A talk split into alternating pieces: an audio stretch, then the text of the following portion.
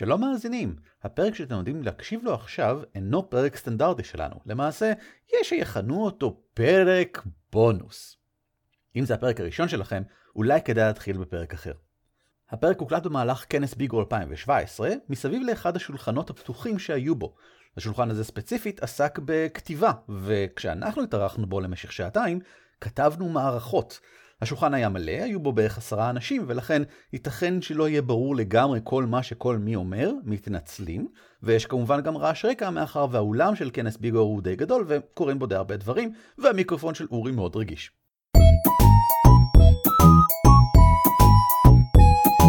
על כתפי גמדים. פודקאסט ישראלי על משחקי תפקידים.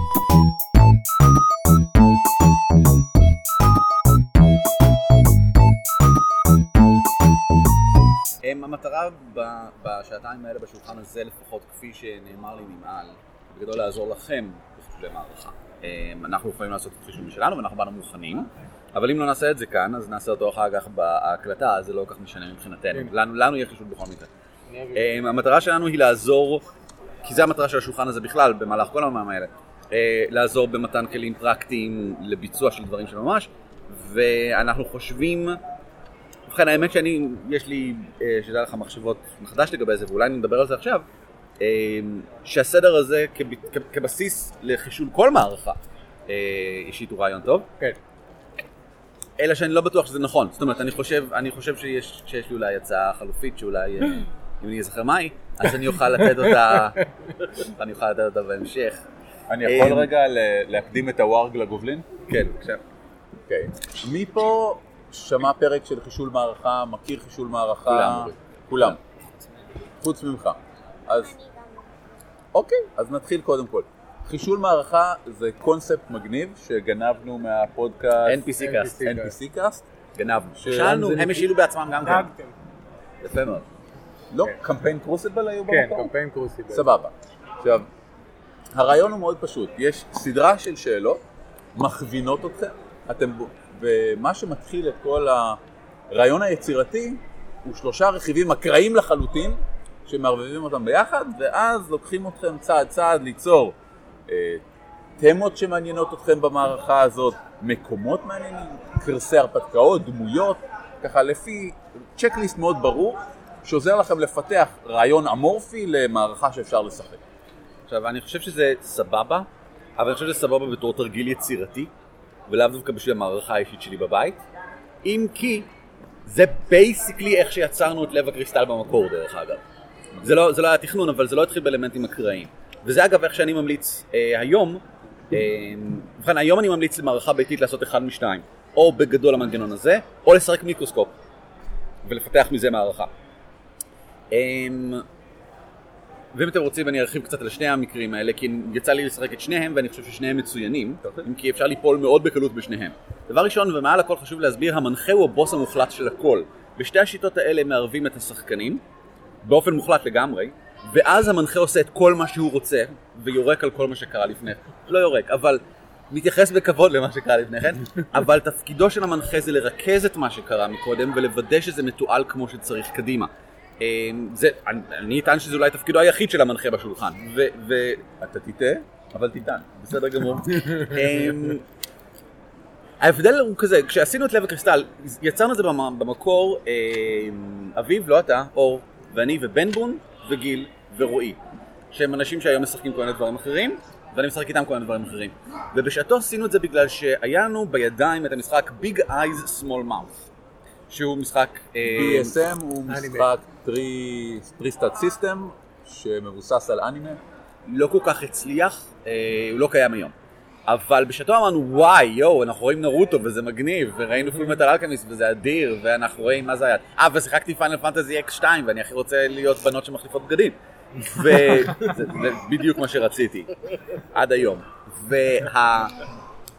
ואני רוצה, כאילו אנחנו רוצים לשחק את זה והשיטה היחידה שמצאנו זה זה אז התחלנו בשיטה התחלנו בכך שאנחנו יודעים שאנחנו רוצים מכניקה מסוימת, שיטה מסוימת שתיתן לנו משהו מסוים ואני חושב שזה היה ממש טוב כי זה כי זה בסיס מעולה, אני חושב שאגב זה משהו שגם אודיסאה ממליצים עליו.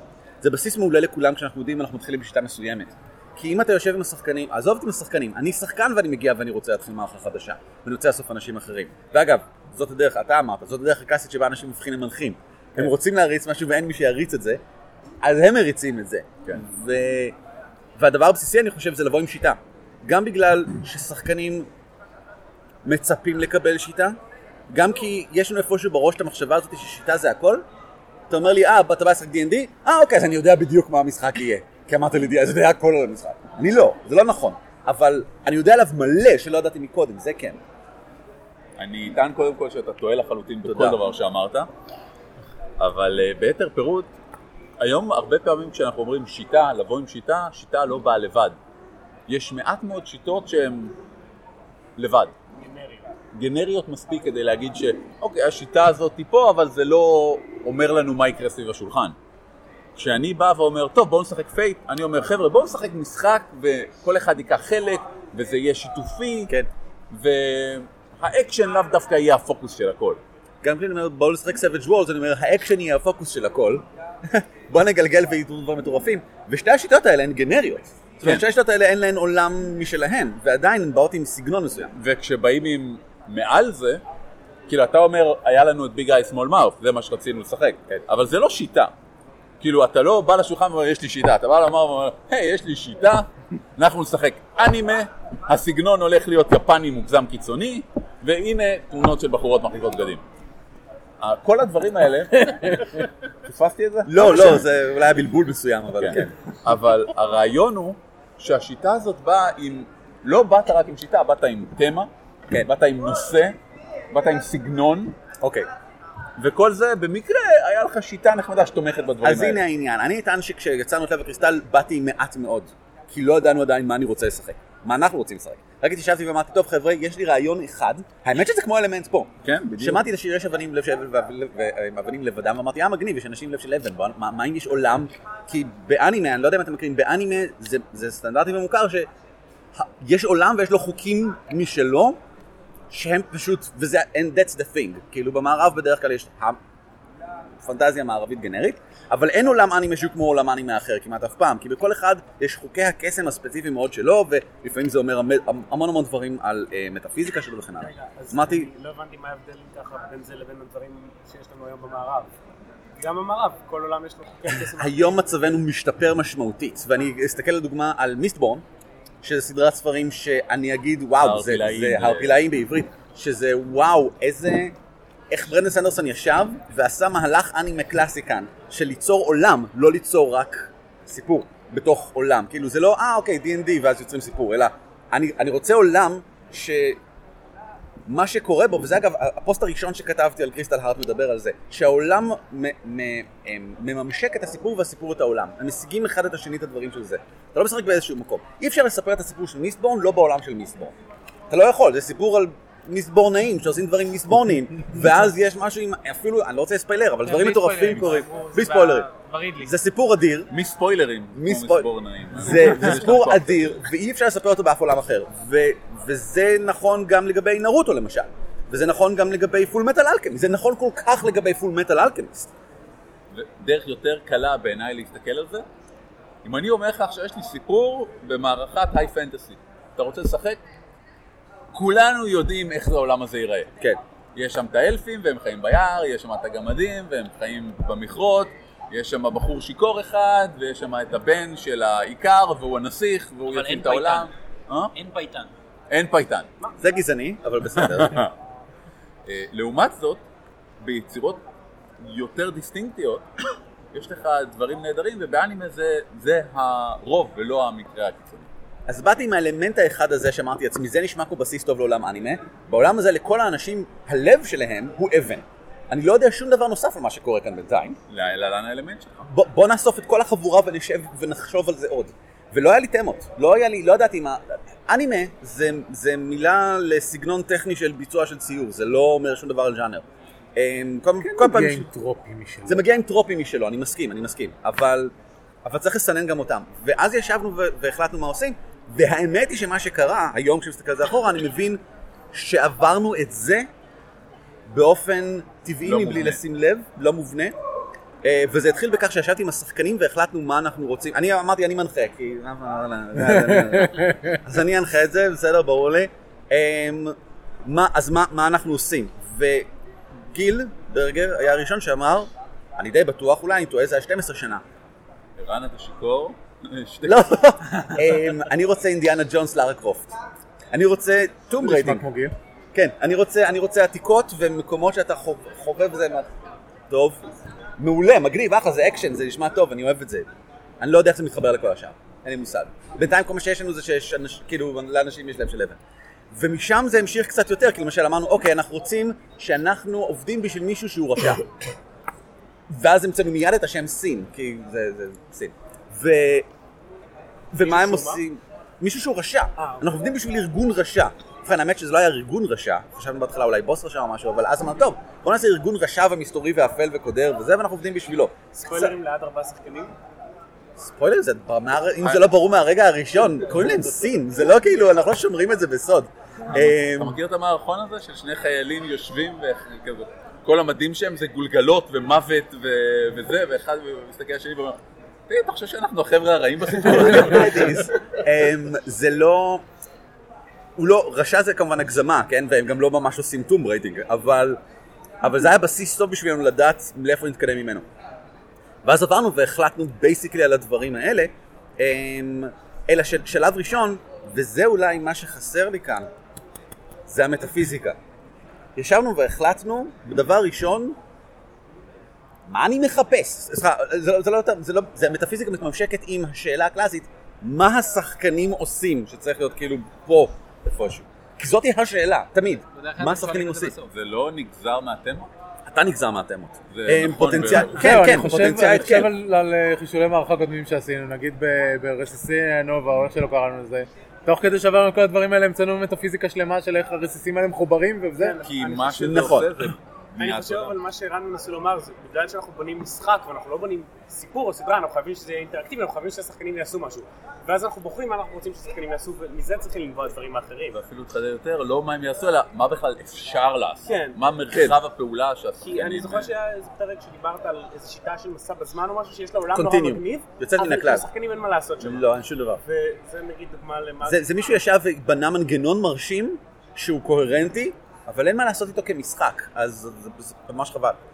אה, זה פשוט נקודות שאנחנו מגיעים אליהן תמיד באופן טבעי כשאנחנו עושים אני חישוב מערכה, אבל אני אולי. צריך פורמלית להוסיף אותם מרגיש, לזה. אני תמיד מרגיש שזה חסר לי בשלב, כבר לפני שמתחילים להיכנס לפרטים. אני, אני חושב שדווקא זה יותר טוב שאין את זה פורמלית, כי מה שקורה פה הוא שהיוצר, אנחנו יוצאים מפה עם איזה עולם אנחנו רוצים לשחק ומה אנחנו רוצים שיתרחש בו, ומזה. כבר נגזר עולם שמאפשר את הדברים האלה. אם אתה אומר, אני אומר. אני אסביר, אני אסביר איך הגענו. אני אסביר. אני תוהה אם לא כדאי לפתוח את הפאנל גם לשאלות של... אה, בכיף, בכיף, אני רק רוצה להגיד כן, אם מילה אחרונה על חשבתם שיעזור הקריסטלים. לכם להגיד משהו, לא, להפך, להפך, אני פה, אנחנו פה בשביל זה, אני רוצה להגיד מילה אחרונה לגבי הקריסטלים, כי זה- כי זה חשוב לי. כן, כי החלטנו, ב-BSM אין חוקים לכסף. ואני חושב שזו הייתה פעם ראשונה שנתקלנו בכזה דבר. אמ, אין, אתה לא יכול לשלם על דברים ב-BSM. באנימה לאף אחד לא אכפת כמה כסף יש לך, זה לא, הסיפור לא עוסק בזה, בדרך כלל. אמ, אז גם בשיטה, אין לזה חוק, אתה, אני חושב שיש להם את ריסורסס או משהו כזה, כמו שיש באקזלטד. ואמרנו, טוב, יש לך level, כמו, קצת כמו אקזור, יש לך level של wealth, ואם אתה שכן. ברמה מסוימת, אתה יכול לקנות כל מה שמתחת לרמה הזאת. אני חושב שאפילו אפילו יותר פשטני מזה לדעתי, אני חושב שאתה קונה עם ריסורסס, אני עשיר, ואז אתה יכול לקנות מה שאתה רוצה, משהו כזה. הם... אה, אמ, אל תגיד שלא אכפת לנו מכסף עד שניסית לקנות אופניים בפוקימון. אופניים פוקימון, עזוב, עזוב, לא נכנס לזה. אה, אופניים בפוקימון? כן, כן, כן. כן. אני בוחר בכם אופניים! לא, לא, כי זה זה ממש שימושי, אבל אתה רק בשלב יחסית מאוחר יכול להיות וזה ממש יקר. אמ, זה סופר יקר. אה, אתה... אז... אז... אז מצאנו את עצמנו בשאלה, אז אחרי מה אני רודף? למה אני נכנס לתוך ההריסות האלה? ואני לא זוכר כבר מי זה היה שהציע את זה. כוחות על. זה אנימה, למה אין, אין לנו כוחות על? בוא נעשה שכוחות על מוצאים בתוך הריסות. ואז כבר התחלנו לחבר את זה גם לרעיון של אה, אז אם יש לנו לבבות, אז, אז יש אולי קריסטלים, שזה כמו לב רק יותר גדול, ואתה אתה יכול להכניס את זה בביפנוכו. בגרסה המקורית היית ממש כאילו מוציא את הלב ומכניס אותו בחזרה, לא חשוב, במקום זה, והיית אה, ככה, ו... אה, תיארת את השבוע האחרון שלי. וזה הפך, וזה הפך, אני חושב, זה היה מוטיב ממש משמעותי, כי זה גרם לכך שלשחקנים, א', השחקנים הצהירו את זה, כן? השחקנים אומרים, אנחנו לא מעוניינים לרדוף אחרי כסף ודברים כאלה, אנחנו לא פה בשביל להרוג אויבים, אנחנו לא פה בשביל... אנחנו פה בשביל להשיג קריסטלים, וזה אומר שלא חשוב איפה הקריסטל נמצא, אני יכול עכשיו לדחוף אותם לשם בקלות. והדרישה האחרונה שלי הייתה, שאני לא זוכר אם הייתה קשורה לזה, או שהייתה קשורה לעובדה שאני פשוט אוהב את זה מאנים מאחרות, זה שזה יהיה סיריאלי. זאת אומרת, פרק פרק. בדיוק, וכשפרק מתחיל, אני אומר איפה זה מתחיל. אתם בדיוק נכנסים לכפר וזה, לא חשוב איפה הייתם פעם שעברה, אני אומר מה קרה, מה קורה עכשיו, ואני אומר איפה זה נגמר, ומה שקרה באמצע אני אומר, ואנחנו מתחילים פעם הבאה איפה שאני רוצה. כי אנחנו אנחנו מדמיינים את זה כמו סדרה כזאת שזה פרק פרק כזה, סטארטרק. לא... אה, משהו אחר. רק שאלה בנוגע למכניקה, לצורך העניין, יש לו כבר את הקריסטל שלו, והוא מוצא קריסטל חדש. הוא אה, חייב כן. להחליף ביניהם, או... יכול להחליף ביניהם. לא, אני אומר, זו שאלה של להחליף ביניהם, או לחבר. אותם. אה, להחליף, להחליף. להחליף? יש לך מקום בפנים רק לאחד, כן? והוא יותר גדול מלב אפילו, אז כאילו, הלב האנושי הוא קטן כזה. אם אתה טיימלו, אם אתה טעם לא יכול להיות לך שניים. אמ, ו- ו- וכל זה מאוד עזר, אני חושב, טוב, זה כבר ברור מאליו, אבל כל- כל חישול עוזר מאוד אחר כך לאינטראקציה בין השחקנים לבין המנחה. כי היה להם ברור לחלוטין, ברור לחלוטין מה הציפיות שלי מהם ומה הציפיות שלהם ממני, והמשחק זרם חלק כמו חמאה מאותו רגע. אף בשום שלב אף אחד לא, לא עשה שום דבר שחרג ממה שאנחנו יודעים שאנחנו רוצים לעשות. כולנו ידענו את זה. בוודאי, מהרגע הראשון. ואגב, זה יתרון של זה על פני ליצור מערכה באמצעות מיקרוסקופ. כי מיקרוסקופ לא עוסק במשחק עצמו, אלא רק בעולם מסביב. בדיוק. אני רוצה לדבר עכשיו בערך 43 דקות על מנגנון שפייט עושה כדי לעשות את זה, אבל אני לא אעשה את זה. כן, ויש לנו זמן, יש לנו מלא זמן. ואני הייתי רוצה לשמוע קצת 20 דקות. מכם זה- על הקמפיינים שלכם, על איך החלטתם בעצם מה תשחקו ואיך תשחקו, והאם נתקלתם בבעיות עם זה, והאם אנחנו יותר טוב יכולים לעזור איכשהו עם הבעיות שיש לכם כרגע בהקשרים האלה, של איך ליצור לא מערכת. אנחנו מאוד גמישים. תראה, וואו, פחד. טוב. זה לא באמת היד שלי. וואו, אבל מי שישמע את ההקלטה עכשיו פספס את מה שראינו פה. אין מה זה ירד. בעריכה. יורד בעריכה. אה, אמרת שאתה לא עורך את זה. עכשיו גם זה ירד, עכשיו זה בטוח יורד בעריכה. של. אם אתם שומעים את זה, ערן לא באמת ערך את ההקלטה. זה נשמר לפרק 200. אה, פרק 200. פרק 200. כן. אנחנו יודעים מה נעשה בפרק 200. כן. את ההקלטה הזאת. לא. כן, אז לא, באמת, אני רוצה לשמוע מכם. שעתיים של- של בידור שאנשים באו אליו. תגיד את שמך. תגיד את שם הקמפיין שלך. אה, לא נתתי לו שם, אני מריץ קמפיין קטן לשלושה שחקנים. לכל קמפיין יש שם. אין קמפיינים קטנים, יש רק- ש- רק גנומים קטנים. לקמפיין הזה אפשר לקרוא דברים טובים באים בקופסאות. כן, אני משחק, אה, אני מריץ בעולם שאתם יצרתם פעם אחרונה. די, מה, בלוטקריג? בלוטקינג אה, לוטקינג? זה בדיוק מה שבאתי לשאול. אה. הצלחנו כן. לעשות משהו. מאוד מגניב. וכן, התחלתי אה, לא בצפון ליד עכשיו. אה, משגר, אה, כאילו המשגר היחיד בצפון שמחזיר אוכל. אה, אוכל, זה נחמד, אני כן, אוהב אוכל. ואפשר להגיע אליו רק בקיץ כשהקרח מתחיל להפשיר. אה, אני אוהב קיץ. אז כולם רצים לשם, ומי אה, שמגיע אני לא ראשון. מקבל אוכל ראשון, ומי שמגיע אחרון מקבל פחות. מגניב. אז אה, זה, וזה היה משחק מאוד מאוד מגניב, אבל נתקעתי אחרי שכאילו, אחרי המרוץ, כאילו, כשהם הגיעו וקיבלו אוכל וזה, ומה אני עושה עם זה עכשיו? אוקיי. כשחשבתי אולי לתת להם לנסוע דרומה, אבל כאילו, זה להתנתק מהשבט שאיתו הם חיים, זה בלאגן גדול. מה הם רוצים לעשות? אה, זו שאלה טובה. אני אחד מהשחקנים בקמפיין הזה, אה, והבעיה היא ככה, יש לנו אחד, ש- יש לנו שחקן אחד, אני מצטער פה שאלה, יש לי בראש כל הזמן עכשיו את. טוב, ארבע נזק, אתה מת. מה מת? אתה מת, לך לחדר שלך. אה, כי אני משתדל שלא לעשות את זה אפילו שאני אבא של המנחה. אה, אבל uh, הבעיה היא ככה, יש לנו שחקן אחד שהוא לגמרי טריגר הפי, כל מה שמעניין אותו זה לראות בדברים ובאיפה אני יכול למרבץ יותר וזה. ויש לנו שחקן אחד שכל מה שמעניין אותו זה איך אני יכול uh, לתחמן אותו, לגנוב אותו, לכייס לו, ל... אה, אותו זה דמויות אחרות או את המנחה או את ה-NPCs? השיטה? את, את ה-NPCs, דמויות אוקיי. אחרות, את הסלעים רנדומליים שאנחנו פוגשים בדרך, אה, כל מה ש... אה, אוקיי. זה. זה מרץ אמיתי זה. כן. אה, ו- ויש אותי שאני מנסה לאזן ביניהם אוקיי. איכשהו. כדי שהם לא יגנבו ויראו בכל דבר וכאילו, שעובר ומנסה עליהם. להגיד, אוקיי, אנחנו יכולים להסתער על האנשים האלה ולירות בהם, או שאנחנו יכולים לנסות לבנות איזשהו מערב שייתן לנו משהו קצת יותר איזה, בוא נשים קצת יותר חשיבה מדבר, לפני שאנחנו כבר ממרבצים. וואלה. זה נשמע, נשמע קצת כמו בורדרלנדס, כאילו העולם ברור, אבל גם כן. מה שהוא מתאר ספציפית, כן. שיש דמות אחת שנורא רוצה להרוג ודמות שנייה שרוצה כן. אז נראה לי אפשר פשוט לשאוב השראה מהעלילות שלהם, כי להם יש עלילות די טובות. ומופרכות לגמרי, זאת אומרת. הם הולכים לכיוונים מופרכים, ואני חושב שזה הדבר הנכון, לקחת את זה ל... ל... ש- וגם סבבה, המשחק זאת אומרת, המשחק של טייטל פנטסטי לדעתי, ואם אף אחד מהשחקנים שלך לא ישחק אותו, פשוט תשחק בו, תגנוב משם את כל הרעיונות, תדוג את כל הרעיונות, ותעשה אותם, כי הוא ממש טוב, ושוב, הם עושים דברים מופרכים לגמרי, והכי חשוב, הם לא מפחדים לשבור את העולם. זאת אומרת, בהתחברות לחישוב מערכה, אני חושב שכל עולם טוב צריך להיות מחובר למערכה שלו, ולהפך, והמערכה שמתרחשת, אין שום בעיה שתשפיע על העולם ותשבור אותו לחלוטין לחתיכות קטנות. סטטוס קוו זה האויב שלנו, מאז ששיחקתי בדאנג'ן וולד ולמדתי את זה. אמ, אה, אני אשמח. זה ש... לא, שלך, אביב לא כאן, שיבוא אחר כך. אמ, למזוג לו כוס מים. האם... האם הבעיה היא שאתה לא בטוח מה להציב בפניהם כרגע? כן, אני לא בטוח לאן להמשיך, אני לא כל כך... אתה יכול ללכת רגע? אני, אני, אני, אתן, עצה כללית, אמ, שחוזרת, אני, כי אני רוצה לנסות לחבר את זה כל הזמן, לכתוב על מייל. מערכה.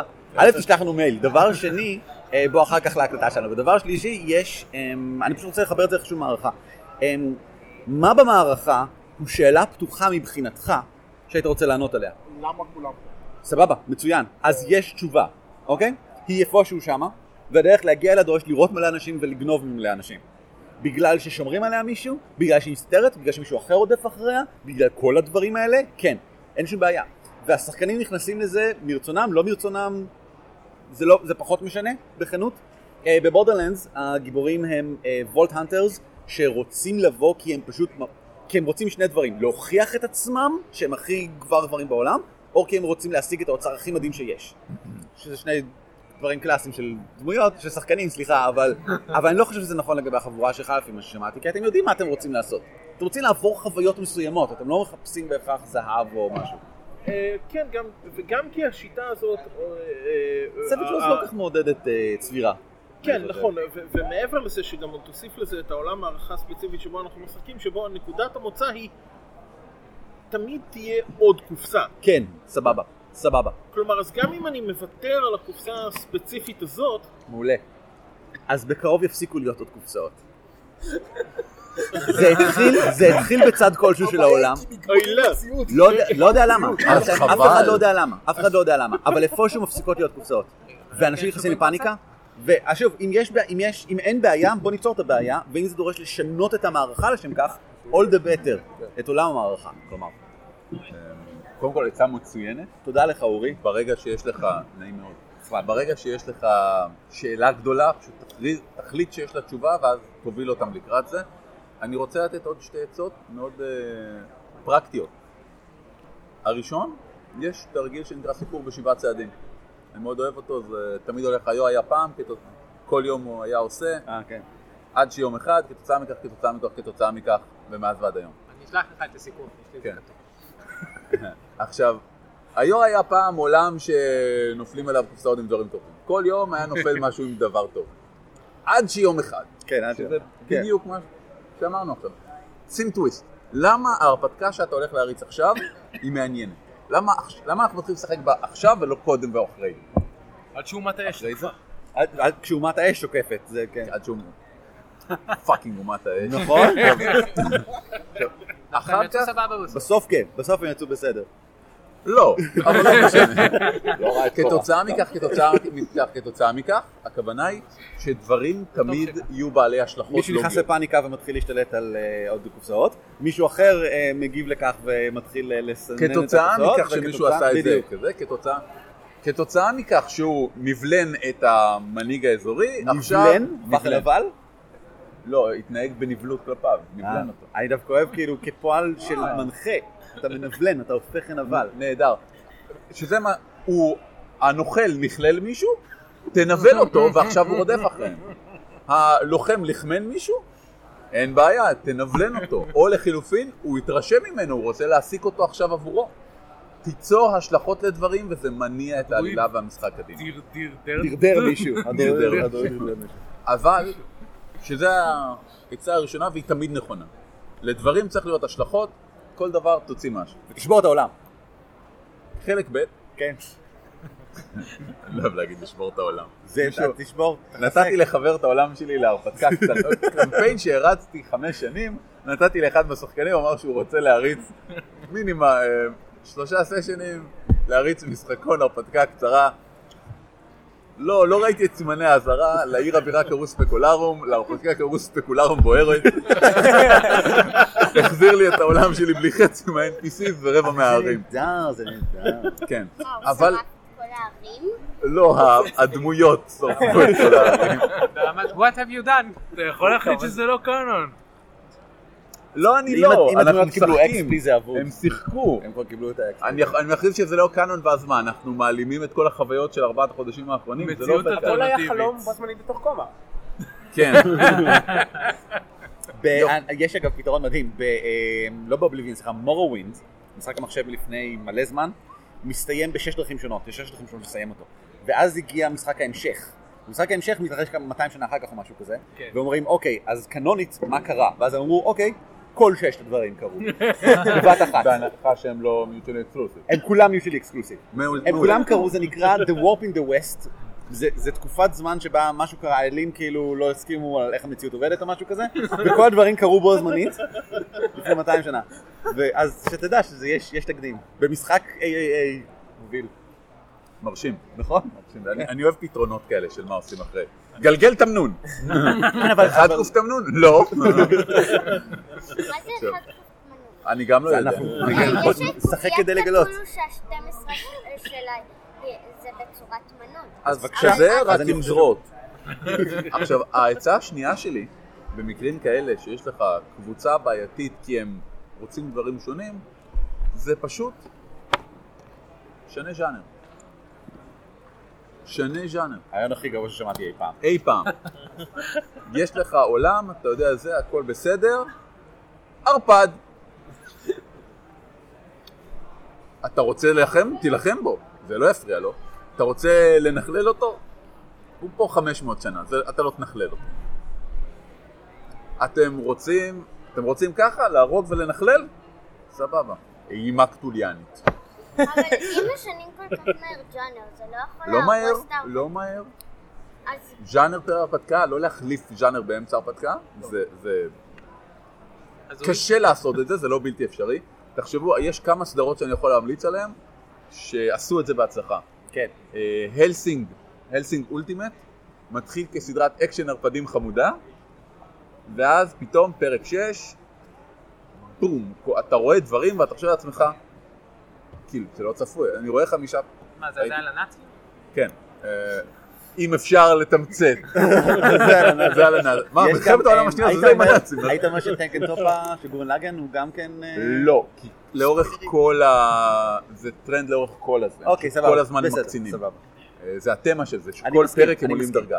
אבל לא, כי ב Hellsing Ultimate, בפרק 7. אני- אשתדל לא לספיילר או או משהו, אבל בוא נגיד ככה. הז'אנר של חמשת הפרקים הראשונים, ששת הפרקים הראשונים, אני לא זוכר, יש איקס פרקים, וזה ערפדים אקשן מגניב. כל הדם וכל האלימות זה over the top, ושום דבר לא גורם לך להרגיש רע, כי, כי כשמישהו אה, מוריד את הראשים לתריסר אויבים בו זמנית, אתה אומר, אה, אוקיי, אין מה להקים מזה. הוא עשה קסם וראשים עפו ובסדר. זה נשמע כמו על טבעי. ההתחלה הזאת. זה לא מאוד טבעי, לא, הערפדים היה הרמז הראשון שלי, אמרתי על טבעי. אז. רגע, סדרה? אבל בשלב הספרנט מסוים? בסדרה יש פרק אחד שזה הופך להיות אה, אימה ואלימות גרפית. ואני מדבר באופן קיצוני, אני, אני זוכר שאני, ואני מדבר על חמש, לפני חמש שנים, הסתכלתי על זה והייתי עם פה פעור, לא האמנתי שהם עשו דבר כזה. אה, תכנים קשים ברמה ש, שאני לא הייתי ממליץ לילדים מתחת לגיל 18 לראות את זה. 18. הייתי בהלם. אבל אז הבנתי שמה שהם עשו זה לקחו כמה פרקים רק כדי לדחוף את הטוויסט ולהגיד חבר'ה, לא. אנחנו לא פה לעשות אקשן נעים. אנחנו פה כדי שתחשבו שהעולם רע. להלן מיצג א', ב', ג', ד' לכאן. למרות שאם לשאול, אמרת שזה התחיל בתור אקשן שהיו, אנשים היו הולכים וחותכים 12 ראשים שלהם. כן, אני ממש סקרן לדעת עכשיו איך הם עשו את זה. כאילו. איך הם עשו את הטוויסט שהם הפכו פתאום את כל האלימות הזאת למשנה? אם הם הגדירו אותה כלא משנה הם בהתחלה. הפכו אותה לאישית, כן, אוקיי. אמיתית ולא על טבעית. אני- גם כשאתה עושה את זה, כשיש לך איזה דמות על טבעית שעושה את זה, אז קשה לך להתחבר, אתה אומר זה זה על טבעי זה לא יקרה. אבל כשפתאום יש לך אה, חיילים שתקועים במעלית, ובגלל הפחד של מה נמצא בצד השני, הם מחליטים כאילו, איך אומרים, להפנות את האלימות כלפי עצמם, כדי לא להתמודד עם מה שבצד השני, אז אתה אומר וואי כאילו, וואי, זה באמת די נורא. אתה- תקשיב, אתה אומר כאילו, זה- אמיתי. אתה אומר לעזאזל, כאילו, אתה אומר, אתה יכול להגיע למצב שבו אתה מת מפחד, ואתה אומר, אני מעדיף לא לצאת החוצה, אין לי בעיה למות פה כדי לא להתמודד עם מה שיש בצד השני. אני אתן את זה אפילו יותר אה, פשטני. כשאתה רואה 14 חיילים נלחמים בשני ערפדים, ויש המון אקשן וזה וזה, אז המון אנשים מתים, אבל, אבל יש אקשן וכו'. כשאתה רואה שתי בריונים תופסים ילדה קטנה וגוררים אותה לסמטה, כן, זו סדרה. ו- ואז המצלמה נשארת על הסמטה ואתה רואה- שומע צרחות, זה אחרת. זה עולם אחר לגמרי של... של... זה הסדרה אומרת לך, אני... אמ, הפסקנו לשחק. כן. וזה זה לא זפטה. וזה זפטה, וזה שונה מאם אם לא היית רואה לפני כן את המרפדים הורגים אה, זה, כי זה הציפיות שטבעו בך מלכתחילה. אה, אה, אלימות זה מצחיק. יש גם את הפרק ההוא בפול מטאל, אבל בסדר. כנ"ל, אה, פול מטל אלכימיסט, יש אדוארד. אה. רצף של שלושה פרקים, זה שלושה אה, פרקים, נכון? שכל מי שראה את הסדרה אומר, לא, זה לא, לא, זה לא מסתדר לשאר הסדרה, כל שאר הסדרה זה ברצף מסוים, ופה פתאום יש איזה שלושה פרקים ש... אורי, חישוב מערכה. לשנות ז'אנר, לעבור להרפתקה הבאה עם ז'אנר אחר.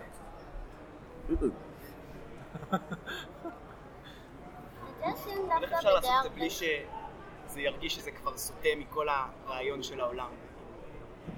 הצדקה זה בדיעבד. כבר לא מה שבאנו לשחק. תעשה הצדקה בדיעבד. אה, דבר ראשון, אני חושב שזה נורא חשוב שהשחקנים... יהיו בעניינים. זה tricky, כן, כן. כי בוא נגיד שאתה מתחיל אה, לראות את הסדרה הזאת, Van Helsing, Hellsing, הלפייר, אלסינג אולטימט. אוקיי. ואתה מגיע לפרק הזה ואתה אומר, "אה, לא בשבילי, אתה מפסיק. כן. אבל זה סדרה, אתה רק צופה בה. במשחק תפקידים אתה מגיע לשלב כזה, אתה אומר, "אה, אני אפסיק לבוא כל שבוע עם כל החברים שלי, שזה מה שאנחנו עושים כבר שנה? לא. כי זו התחייבות מראש. נכון.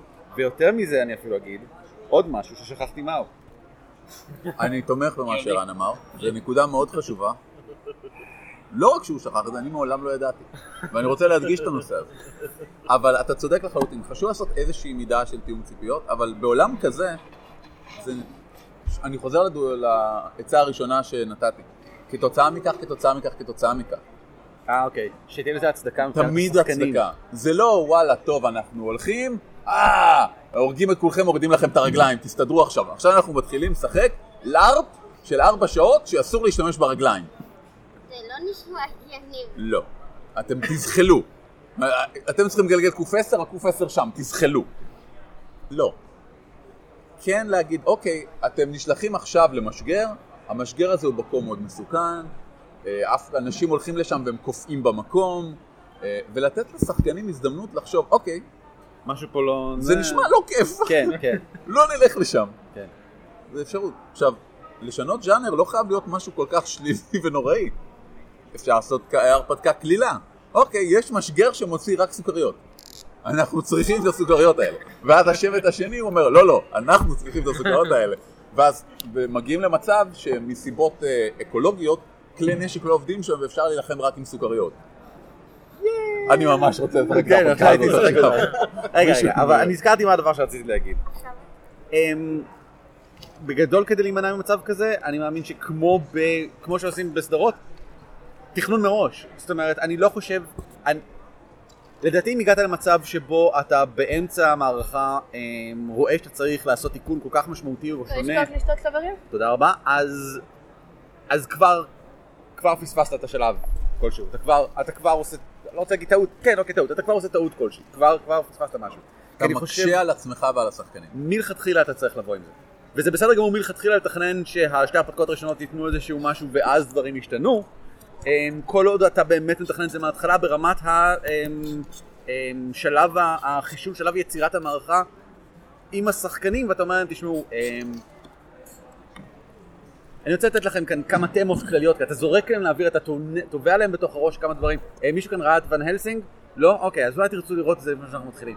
אה, מישהו כאן אה, זה? ראיתם Fullmetal Alchemist? אה כן, אז יהיה כאן זה וזה וכוחות על וכאלה. כן, אבל אני מדבר על Fullmetal Alchemist. אתם זוכרים, זו סדרה די כבדה כזאת, קורים בה כל מיני דברים כבדים כאלה, לפעמים פתאום מגיעים כל מיני דברים, ואז הם אומרים, אה אוקיי, בסדר, אוקיי, אה, זה נשמע נחמד, זה מוצא חן בעיניי. ואז זה מתחיל ואתה פרק או שניים ולא קורים עדיין הדברים הכבדים האלה, אבל הם זוכרים שאמרת להם את זה מלכתחילה, ואז כשמגיעים לדברים כבדים, אז זה הגיוני, זה בסדר, זה כבר היה להם בראש לפני כן. הם מוכנים נפש... הם לא יכולים להתלונן אחר כך. חתם. נכון, נכון. אבל אני הכי אוהב את זה כשזה מגיע עוד יותר עמוק. כששוב, נחזור לחישול, כאשר אתה... כאשר העולם מכיל את זה מלכתחילה, תמיד הכיל את זה, וזה לא היה ברור גלוי עד לשלב שבו זה, זה צץ. אה, באיזשהו מקום בפול... טוב, זה קצת ספויל... מישהו פה רוצה לראות פול מטל אלכמיסט? להרים יד ימין?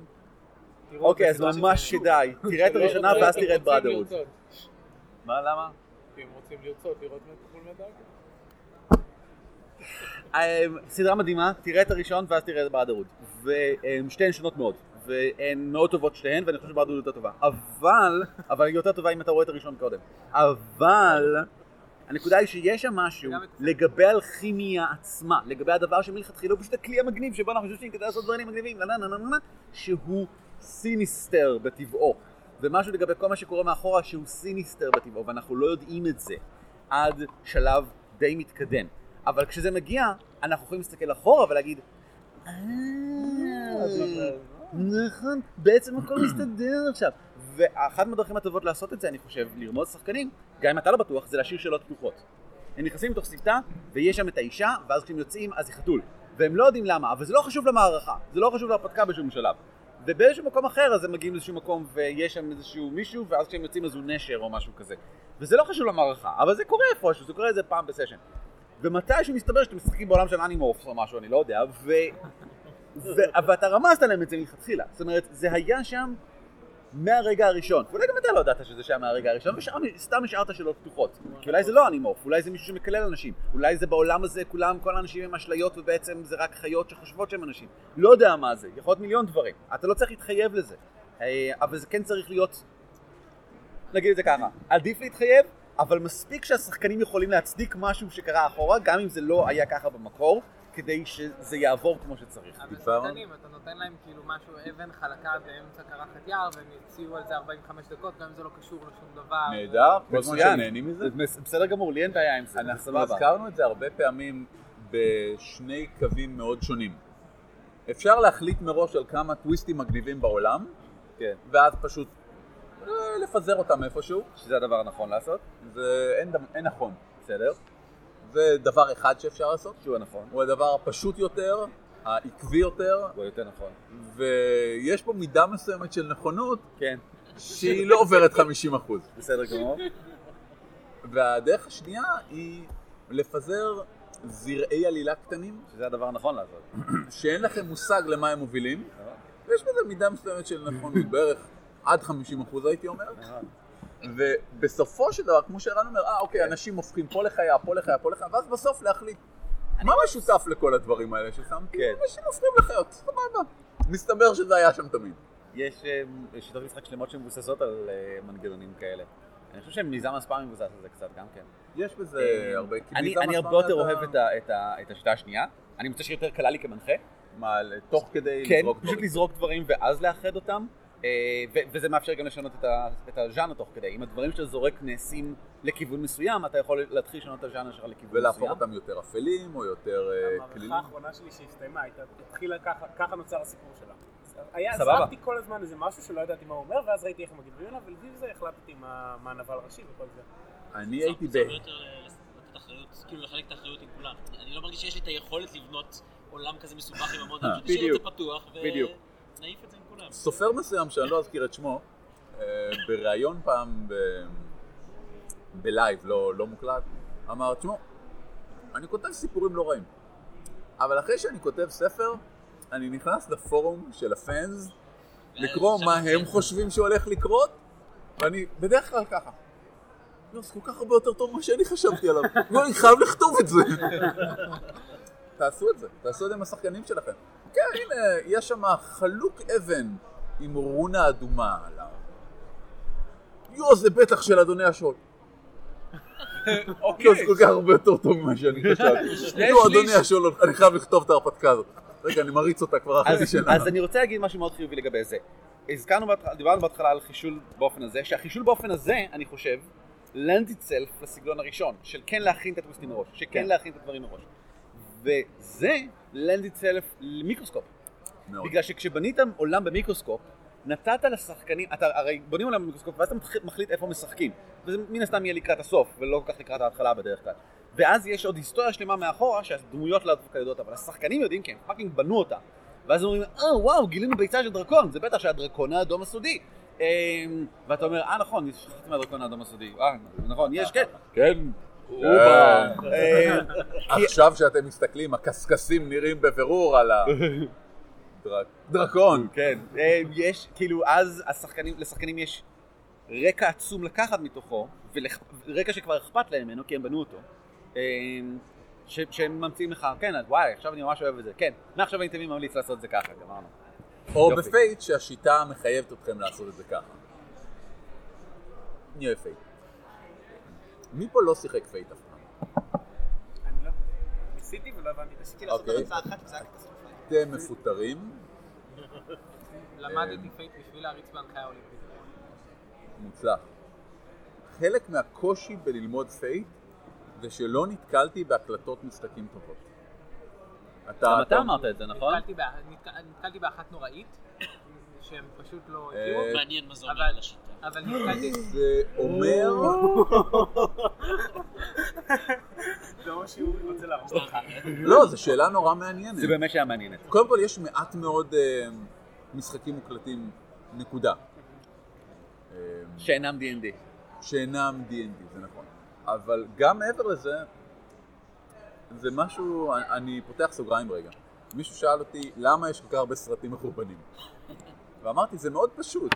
כי תחשוב על ספר שהופך לאודיובוק, שהופך להצגה, שהופך לסרט. ככל שיותר אנשים ויותר מדיומים מעורבים בעניין, התוצר הסופי הוא טוב כמו ה-weakest link מביניהם. אם זה עובר את הדפצק כמו שצריך, אז זה כן משתנה, זה הופך למשהו חדש. כן, אבל סרט, אם התסריט מחורבן, הסרט מחורבן. אה, כן. אם התסריט נהדר, אבל הצילום מחורבן, הסרט די מחורבן. אם הצילום נהדר והתסריט נהדר, אבל השחקנים לא יודעים לשחק, זה סרט די גרוע. וכן הלאה וכן הלאה. ב actual plays אני מוצא שאני... האדם שיצר את Dungeon World, כן, אדם קובל, אני לא יכול לראות אותו מריץ, כי הוא משעמם לי את המוח כמנחה. אני פשוט, אני לא מבין, הוא פשוט, אני נרדם מלראות אותו מריץ. וואי, זה אחלה פתרון למקשר לך לילדים. אתה צודק, תודה לך אורי. ודווקא בדרך כלל מביאים שחקנים מצוינים, אבל הוא למשל מריץ Dungeon World, אני לא יכול להמליץ לאף אחד לראות את זה, זו שיטה שלדעתי חייבים כמו Fate. אני חושב שבשביל אנשים בעיקר עם, עם מנטליות של D&D, או אפילו עם מנטליות של משחקי מחשב, כי משחקי מחשב זה מנטליות מאוד דומה ל-D&D. כשאתה רוצה להציג להם שיטה חדשה, זה יהיה פנטסטי אם אפשר פשוט לשלוח אותם ל actual play, אבל של Fate או של Dungeon World, כי הן מאוד שונות ממה שאנחנו רגילים, ואין אפילו אחד שאני מכיר שאני יכול לשלוח. אז לחזור ל Fate, Fate, מה, מה? עוד סיבה שאין הרבה הקלטות אליה, מה? זה... רגע. אז, אז, אז סבבה. עוד סיבה שאין הרבה הקלטות זה כי ההתחלה של משחק או קמפיין של Fate מתחיל מסורתית בבניית עולם. כן, אבל אז תעשו את זה, אני רוצה לראות אותם עושים את זה. נכון, אבל זה אומר שאתה צריך לפחות שני סשנים כדי להראות משחק. אתה צריך סשן אחד של בניית עולם, כדי להראות איך השיטה עושה את זה, ואז סשן אחר של איך משחקים בעולם הזה, ולהראות את המכניקות. וזה נהדר, כי מה שקורה בבניית העולם, יש לך תהליך מאוד ברור של אוקיי, בוא נגיד כל אחד, תמה שאנחנו רוצים לראות בעולם. בואו נגיד כל אחד איזשהו פלג, אה, נכון, אוקיי, פקשן. בארגון, ומישהו שמייצג אותו. כן, כן, כן, לא, אני מכיר אותו כמובן בזכות אביב, אבל אה, כן. אתה אוי, נבלה. שלום! שלום! קיבלנו זה הרגע משלוח של קוסמים קטנים. הנה איתי חורב, האבאלה של קוסמים קטנים. שלום, שלום איתי, חורב קוסמים קטנים. אנחנו רוצים כולנו ספרים. אני רוצה ספרים. הייתי בא עם חולצה של קוסמים קטנים. אם, אה, הייתה- בואו נחזור לפוקוס אבל, מישהו אנחנו הביא לך באמצע אותו ההחלטה. לפני שנה, אתה יודע? באמת? כן. נבלולים, אני רוצה, אני רוצה, אני רוצה. רגע, רגע. שלוט בעצמך. מה? לא. אחר.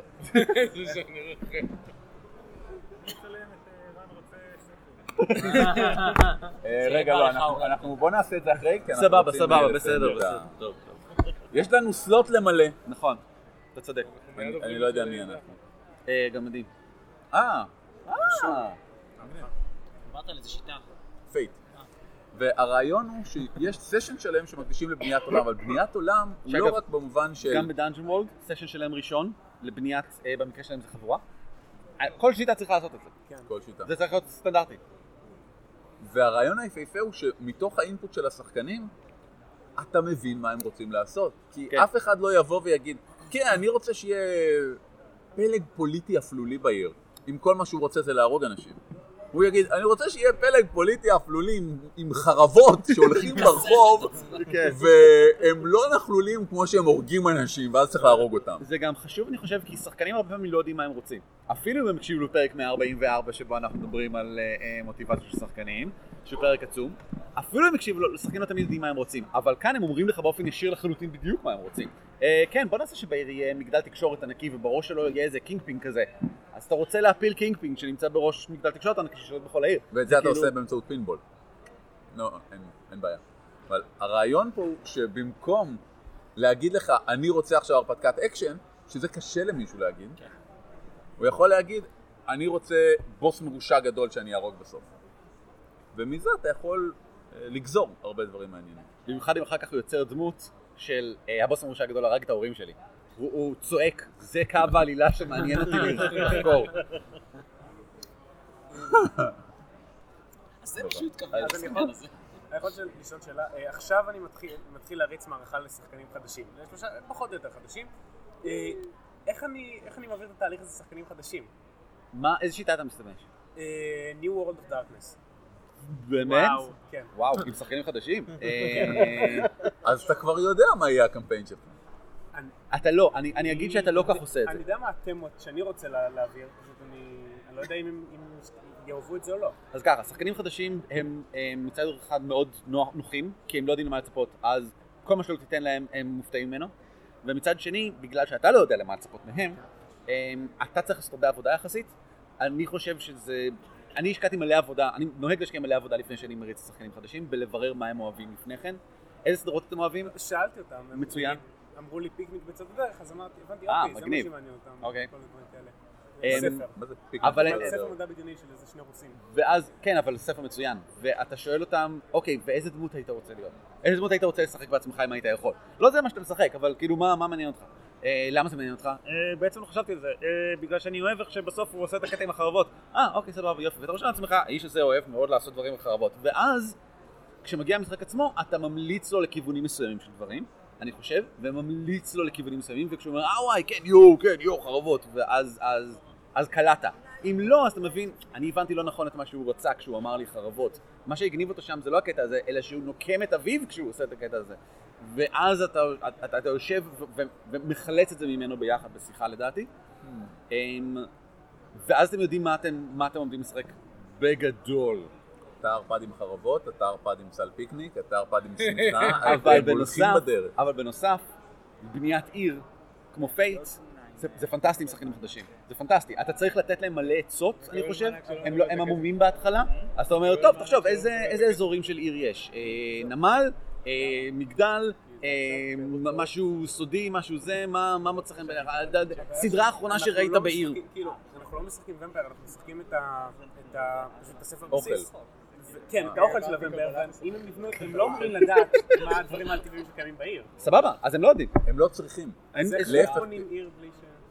אתה, תשמע, גם עם שחקנים חדשים, נורא קל להכווין אותם. אוקיי, אז תראו, הנה הנמל. תתאר לי את הנמל. אוקיי, הנה מגדל שלום. תאר לי את מגדל שלום. אוקיי, הנה האזור המסחר.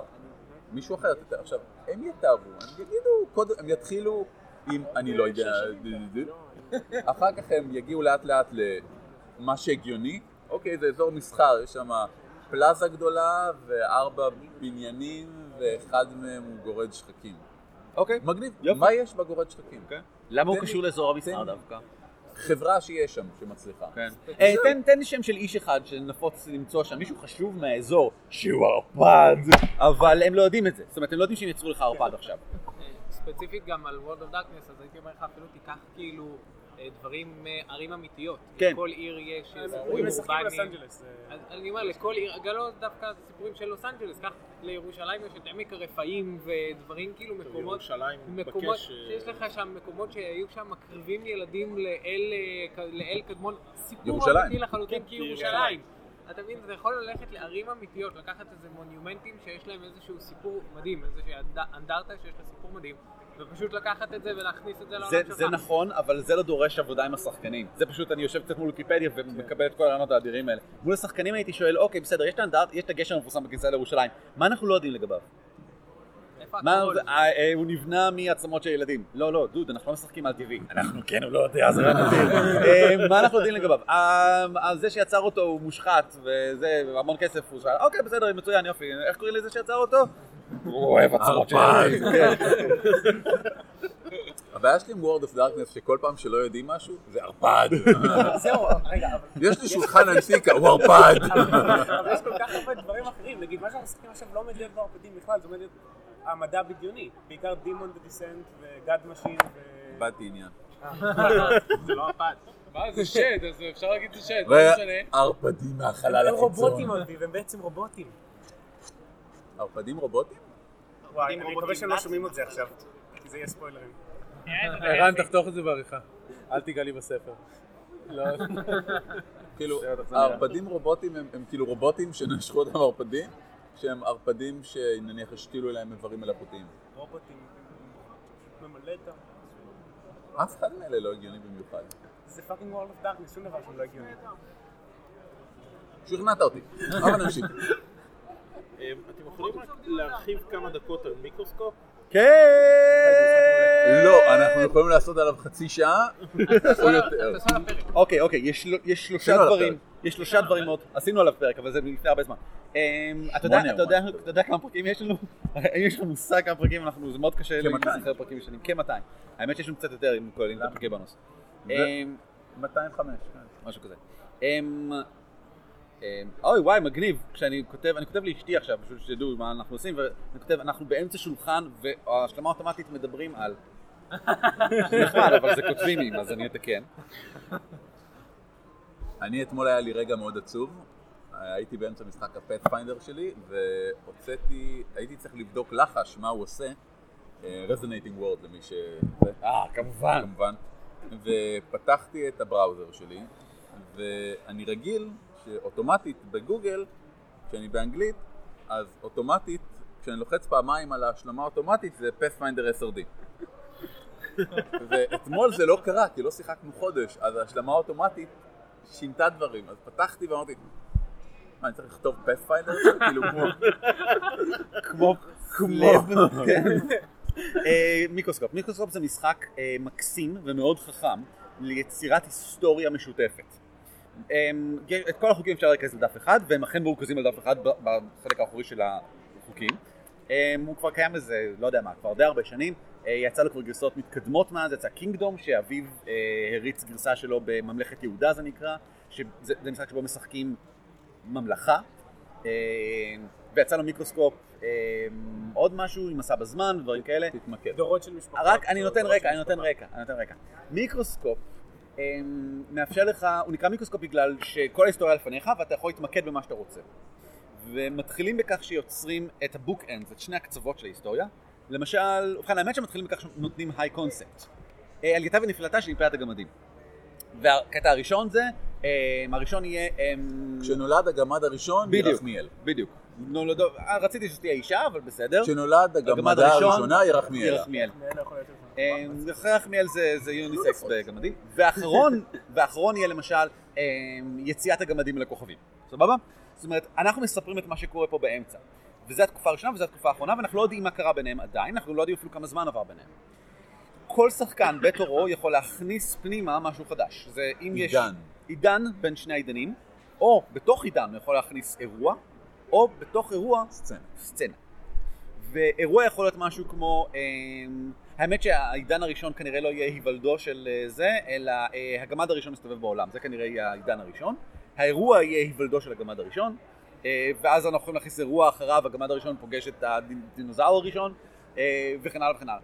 ואם אנחנו רוצים, אנחנו יכולים לחזור אחורה לפני כן, ולהגיד, או לפני שפגשת את הדינוזאור הראשון, גזע עלת הגמדים. נכון, מצוין, ככה נוצר גזע לט הגמדים. ואתה יכול להכניס איפה שאתה רוצה ומה שאתה רוצה. ואם אפשר למשל באמצע להכניס אמ, אה, אטלנטיס, עידן הזהב של אטלנטיס. שחקן אחר כך מיד אומר, שמדתה של אטלנטיס המוחלטת מושמדת לגמרי. הוא יכול, הוא יכול לעשות מה שהוא רוצה. אבל השחקן הראשון, אם הוא עדיין רוצה את אטלנטיס, יכול להכניס כמה תקופות נוספות שהוא רוצה לפני שהיא מושמדת. כן. וכמה הוא אירועים יכול- שהוא הוא רוצה. גם יכול אחרי זה, אה, עלייתה בחזרה. עלייתה של- בחזרה של אטלנטיס ושיקומה... מכה שנית. אטלנטיס מכה שנית. ומיקרוסקופ מאפשר עקב כך יצירת עולם ברמת פירוט של כמה שמעניין אותנו להגיע אליה. למשל, אם החלטנו שיש איזושהי נסיכה מעניינת או משהו כלשהו, ירחמיאלה. ירחמיאלה, ואנחנו רוצים לדבר עליה לא מעט, אחד השחקנים מחליט שהוא רוצה לדבר עליה לא מעט, אנחנו נמצא אותה צצה בהמשך גם כן. אה, האגדה על ירחמיאלה, ירחמיאלה מתחתנת, אנחנו אולי נמצא את כל אורח החיים של ירחמיאלה בזמן שדמויות אחרות לאורך ההיסטוריה אנחנו לא יודעים עליהן כמעט כלום. נכנסים לרמת הפירוט שמעניינת אותך ומפסיקים לשחק כשמפסיקים לשחק, כשמחליטים. זה משחק מקסים, מאוד חכם, כי הוא מאוד פשוט, כי basically תיארתי לך עכשיו את רוב מה שקורה בו. אה, יש גם סצנות, אבל שזה עניין קטן של משחק תפקידים, אבל זה פחות, פחות מהותי לענייננו. ואחרי שמשחקים את זה שעתיים שלוש, יש לך עולם מספיק מפורט, שאתה יודע שכל השחקנים אוהבים. ואז כל מה שנותר זה לשאול, איפה בזמן הזה אנחנו משחקים? בזמן? עלייתה של אטלנטיס. מה העידן המעניין אותנו לשחק בו? ואז אנחנו אומרים, תשמע, אנחנו רוצים לשחק בזמן עלייתה של אטלנטיס, כי החלטנו שיש שם את הרובוטים הגמדים, וגזע עלית הגמדים בדיוק כבש אטלנטיס, וזה מעניין. בוא נשחק תקופה שבה אנחנו מנסים לצאת מאטלנטיס וזה, להביס את עלית הגמדים. ואני רוצה לשחק את הנסיכה איזמאלה. לא, היא מתה לפני 300 שנה. אז אני רוצה לשחק. אה, את המטה שלה. אוקיי, בסדר, סבבה, הנה, אתה אתה יכול לזה. ואתה יכול, כאילו, אפשר לעשות מה שאתם רוצים. ואז אנחנו יודעים איפה אנחנו משחקים, ואנחנו יודעים מה קורה אחר כך, ואנחנו יודעים מה קורה לפני. אבל הדבר העוד יותר טוב מזה, זה מה שקרה שלב אחד לפני כל זה, וזה נקרא הפלטה. פלטה! בפלטה, שזה משהו שאני ממליץ לעשות בכל משחק מהיום והלאה בכלל, ואני עושה אותו כל הזמן, יש כן ולא. לוקחים דף שלו, גדול, מחלקים אותו לכן ולא. ורואים שחקן שחקן, וכל שחקן אומר משהו אחד שהוא רוצה לראות בכן, או משהו אחד שהוא רוצה לראות בלא. וממשיכים הלאה. וברגע שמישהו אומר פס, לכולם יש עוד סיבוב אחד וזהו. ומה זה? מה שאתה רוצה. אתה רוצה לראות גמדים בעולם? טוב, זה קצת ברור. אתה רוצה לראות אה, גמדות רובוטים מסכנים. רובוטים ענקיים. אני אתה שם רוצה לראות כן. אנשים מתמודדים עם אני זקנה. לא אתה שם את זה תחת אם אני כן. לא רוצה לראות רובוטים ענקיים, אז אתה שם את זה בלא. אתה שם את זה בלא. אם אתה רוצה משהו, אתה שם את זה בלא. והנה הקטע. לא, זה לא. אבל כן, זה אפשר. אומרת, כן לא אומר שבהכרח, אם שמתי פירמידות עם עין באמצע, אז זה לאו דווקא אומר שיהיו פירמידות עם עין, אבל זה מה שמעניין אותי לראות את זה. אבל אולי אף אחד לא יגיע לעשות את זה, ואולי גם אני לא אגיע לעשות את זה, אז אולי זה לא יקרה. אבל אם שמנו רובוטים ענקיים בלא, לא יהיו רובוטים ענקיים. גם ואם יש אה, סתירה בין שחקנים, אם יש סתירה בין שחקנים אז פותרים. אותם. כן, כן. כי בדרך כלל זה, אוקיי, אני לא רוצה לראות מה- אלימות גרפית, אני נורא רוצה אלימות גרפית, אוקיי, בואו נסדיר בינינו. מה- זה לימוד גרפי מפריע בעיניך, מה זה בעיניך? בסופו של דבר מה רושמים מפריע לך משהו אחד. ברובוטים ענקיים? אתה אומר לא מפריע לי, פשוט אני לא רוצה שהם יהיו יותר... אה, אני לא רוצה שזה הכל יישלט רק על ידי רובוטים ענקיים. אה, לא, אני לא חשבתי שישלט. לא, חשבתי אני רק לא אחד רוצה שנבלה ארבע שעות בלבנות את המפרטים הטכניים של כל אחד, וכל משחק מקורייר יודע על מה אני מדבר. אה, רגע, אבל אין תיאום ציפיות למשל, נגיד. זה טיעון ציפיות. זה תיאום- זה תיאום ציפיות. זה לחלוטין תיאום ציפיות כחלק ממשחק מיקרוסקופ. אבל למשל דיברתם על הגמדים ועל כל הדבר הזה, ופתאום רובוטים ענקיים. לא, אם אתה אומר מראש, אני רוצה לראות רובוטים ענקיים, אז אוקיי, והנה העידן שהגמדים פיתחו טכנולוגיה שמאפשרת להם... שמאפשרת להם להשתמש ברובוטים דרגון ענקיים. מק דרך וזה אגב. לגמרי הגיוני שיהיה לגמדים רובוטים. ענקיים, כי הם קטנים. גדול. כן, זה גזעני, אבל בסדר. זה התחיל מהניסיונות של ירחמיאלה שהמציאה את הרובוט הראשון. להגיע לארון הגבוה. אה, ואם אתה שונא רובוטים ענקיים, זו הזדמנות מצוינת לעשות את עידן סופם של הרובוטים הענקיים ולהשמיד אותם עם אתר מטאורי. ושוב פעם, דרגון בורן. אה, לא דרגון בורן, אה, אה, סייבר. קווסט. דרגון מק. דרגון אס. עולם הערכה פנטסטי של... אלף גם. לא, של... מסטיקים. Fantasy Flight Games. או של Goodman, סליחה, של Goodman אני חושב. אמ, זהו. אז, אז כש, כשיש לך את זה, אז כמו שאמרנו מקודם, יש לך, אתה יכול להתחיל את המערכה איפה שאתה מתחיל אותה. ואז אמרתי, אני חוזר לדבר הראשון שאמרתי, המנחה הוא הבוס. אמ, למרות שהשחקנים יודעים את העבר ויודעים את העתיד, דבר ראשון הם ישכחו את זה תוך שני סשנים, כי מי זוכר לעזאזל את משחק המיקרוסקופי לפני שלושה שבועות. ודבר שני, מישהו רושם את זה? כן, המנחה, המנחה צריך לעקוב אחרי הכל, שיהיה אצלו רגע. ושירשום לו, אבל... חלק מהדרך לשחק Microscope שזה נהדר, זה פתקים. אתה רושם, יש, אתה רושם על פתק עידן הירח ומניח, ואז מישהו אומר, אה, אני רוצה עכשיו את עידן אטלנטיס, ואתה רושם, ואז יש לך timeline מסודר, ובתוך כל אחד אתה שם פתקים מתחת של אירועים משמעותיים, מתחת לזה פתקים של... אז בסוף זה אתה מוציא את הפלאפון, מצלם, ויש לך את כל ההיסטוריה של העולם זה בתמונה נכון, אחת. ועכשיו אני רוצה לצלם אתכם כדי לשלוח לאשתי, כדי להוכיח לה שיש כאן אנשים. זה אומר הרבה על מערכת היחסים של ערן ואשתו. שהוא צריך לשלוח לה תמונה של האנשים שהוא איתם, כדי שהיא תאמין שיש עוד אנשים בחדר. השאלה אם זה אומר משהו על התרבות של משחקי התפקידים באנגליה מול תרבות המשחקי התפקידים בארץ. כן, שאלה הבאה. אז, אז זהו, אז כשה, כשהמנחה הוא הבוס, אז אתה אומר להם כבר, איך שאתם, עוד לפני שאתם מתחילים עם כל זה, אתה אומר, תשמעו, אני עומד לעשות בזה שינויים ודברים. כאילו, מה שאתם יודעים פה, זה לא האמת, זה לא הקנון. הקנון מתחיל מהרגע שאנחנו מתחילים לשחק. מה שקורה כאן זה לכל היותר שמועות, זה לכל היותר אגדות. אגדות. היסטוריה שנכתבה על ידי המנצחים זה ולא על ידי האמת. למשל, זאת אומרת, במשחק מיקרוסקופ הכל קנוני, אבל מהרגע שנגמר משחק המיקרוסקופ, זה לא קנוני למשחק התפקידים שלנו, אני מחליט מה קנוני. ואם אני רואה לנכון לשנות דברים, אז אני משנה אותם. הדבר, מנחה חכם יבנה על כך שהשחקנים מצפים לדברים, וישתמש בהם באיזשהו אופן מעניין כדי ליצור השפעה מעניינת. אה, כנ"ל לגבי מה שעומד לבוא. אם אנחנו יודעים שאנחנו בעידן אטלנטיס, ואנחנו יודעים איך הוא נגמר, כי אנחנו יודעים מהו האירוע של סוף עידן אטלנטיס, אה, גרצ'ן מגיע והורס את היהלום, ואנחנו מדברים, מהרגע הראשון המנחה מדבר על היהלום שנמצא בראש העיר, כן? כולנו מצפים לרגע שבו זה יקרה. עכשיו, או חושבים מהרגע שבו זה יקרה. אפילו שהדמויות לא, השחקנים כן. ובאיזשהו מקום, ברגע ששמת את זה שם, אתה אומר, שמעו, אני- אתם יודעים איך המערכה הזאת מסתיימת, סבבה? כאילו מהרגע הראשון. ואם אתה לא שם את זה שם, כנראה זה לא חשוב, כנראה לא נגיע לזה אף פעם. אה, מבחינת השחקנים. כי הם יודעים שיש את היהלום שמשמין את זה, ואף פעם לא ציינת את היהלום הזה, אז כנראה שזה לא מגיע. או, או שיהיה מאוד מעניין. פרק אחד. אה, אגב, אה, פרסמו בכיכר העיר את היהלום. שיש סדק של גרצ'ן. ביהלום הגדול, של גרצ'ן. וחלק גרצ'ן. מהאנשים מודאגים, אבל לא גרצ'ן. לא גרצ'ן, והבוס שלכם אומר שאין מה לדאוג. כן. וזה השלב שכולם מסביב אומרים, אין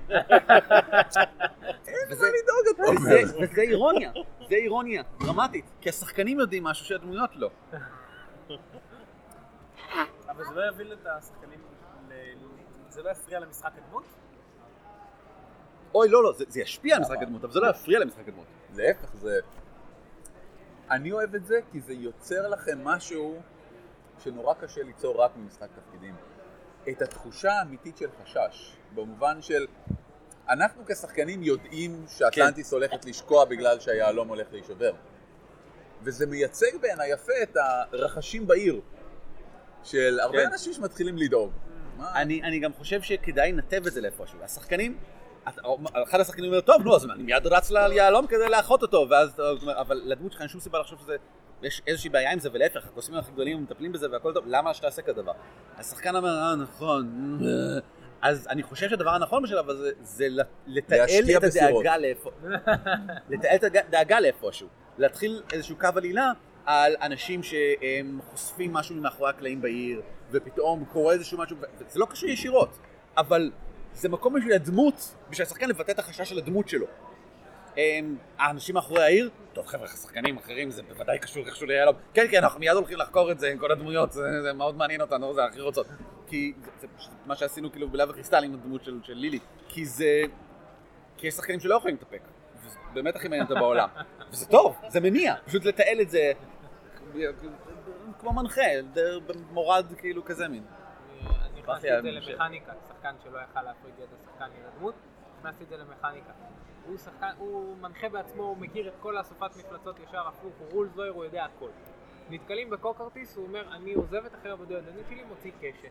אוקיי. אוקיי, מאוד אה, זה. אז אמרתי לו, אתה יודע מה? בוא נדבר על זה. אתה הגעת, הדמות שלך הגיעה מ... אה, אה, העתיד. שכירי חרב, לא שכירי חרב. אתם שכירי חרב? כל מפגש, כל מפגש אה, שאתם נתקלים בו, אתה מגלגל ידע. סבבה. אתה מגלגל אולי אתה ידע. מכיר את הייצור. ואז אם אתה מכיר אותו, סיפרו לך מהשכירי חרב, נתקלו בו, אמרו. לך אתה יכול אותו, אתה מכיר אותו, ישר הפוך כמה נקאפ יש לו. כן. אם לא, אז לא. אז לא. אין לך מושג מה זה. זה רעיון מצוין. זה רעיון מצוין, אני חושב. אבל אה, איך זה פותר את הבעיה? הוא עדיין מכיר כל מגן מפצות לא, פה. אבל ברגע שאתה מכניס לו את זה, במיוחד לרולס לויר, ברגע שאתה נותן יש לו רול, כן. כרול לויר, הוא לא אה. אם- התוצאה אומרת שהוא לא יודע, הוא לא יכול להתעלם. אז הוא לא יכול, כן, אז הוא לא יודע, והוא יזרום עם זה. עכשיו יש לו לו סיבה לדמות לא לדעת, שמקודם לא הייתה. ויותר חשוב, סיבה לשחקן כן, כן, לעשות כן. את זה. כן. חמוד, אהבתי. אני הייתי נותן לו לדעת תמיד הכל, הייתי נותן לו trait של divination, שכשהוא רואה משהו הוא יודע את הרקע שלו, ואז הייתי גורם לו להצטער על זה. אפשר גם כאילו לחפש את המפלצת. אין לי בעיה. זה גם עשינו, מלא reskin ים, בגלל ש... זה הדברים שאני אומר, אוקיי, סבבה, כל מפלצת שפוגשים אתה מכיר, כל מפלצת שפוגשים אתה מכיר. ואז הם הולכים, והם במועצת העיר, ואחד מהאנשים הוא דרקון מרושע. הוא אומר, סבבה, גלגל. אתה מסתכל על הבחור הזה, אתה קולט ממבט בעיניים שלו שהוא דרקון שחור מרושע. להערכתך, מאוד מאוד סכן.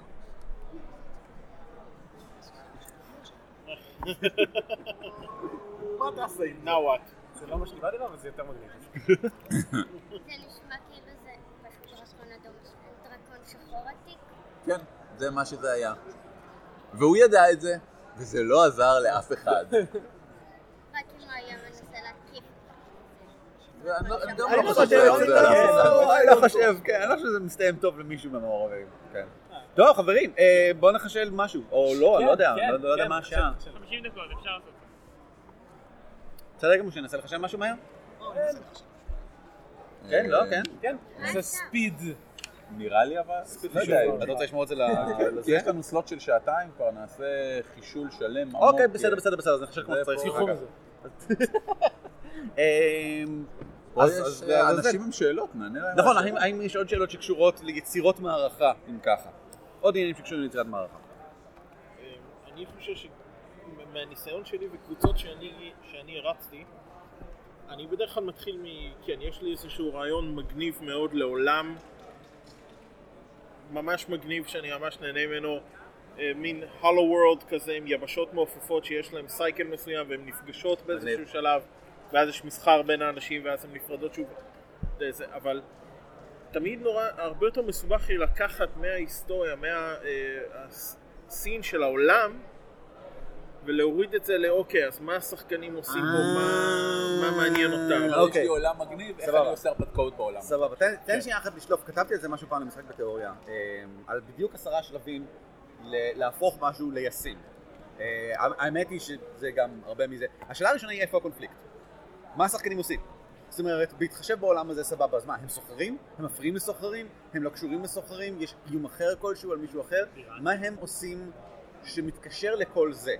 בלב הקריסטל זה קהל, הם צדים קריסטלים, אבל בעולמות שבהם אתה לא בטוח איפה הקונפליקט, תיצור קונפליקט. אז למה יבשות מעופפות? אולי אה, כל יבשת היא על ידי אל כלשהו בעצם מייצגת אותו, ואז כשהם נפגשים אז האלים כועסים ויש גם מלחמות, יש לא רק סחר, יש גם מלחמות אלים, וזה רק בממד הרוחני אז זה לא משפיע על הממד הרגיל, והשחקנים הם שליחים של האלים, לא יודע, משהו כלשהו כדי שיהיה קונפליקט, כי בלי קונפליקט אין דרמה ואין מה לעשות. אז... לא, לא, לא, לא, אבל אני מבין מה הוא אומר. ויש לו נקודה טובה. תודה. שנייה, אני אמצא את זה. יש לי שאלה אחרת לשאול אותך. מה נשמע? קודם כל, טוב? הכל טוב, תה, קפה, משהו? מים סבבה. או, אני שמח שאנחנו מסתכלים.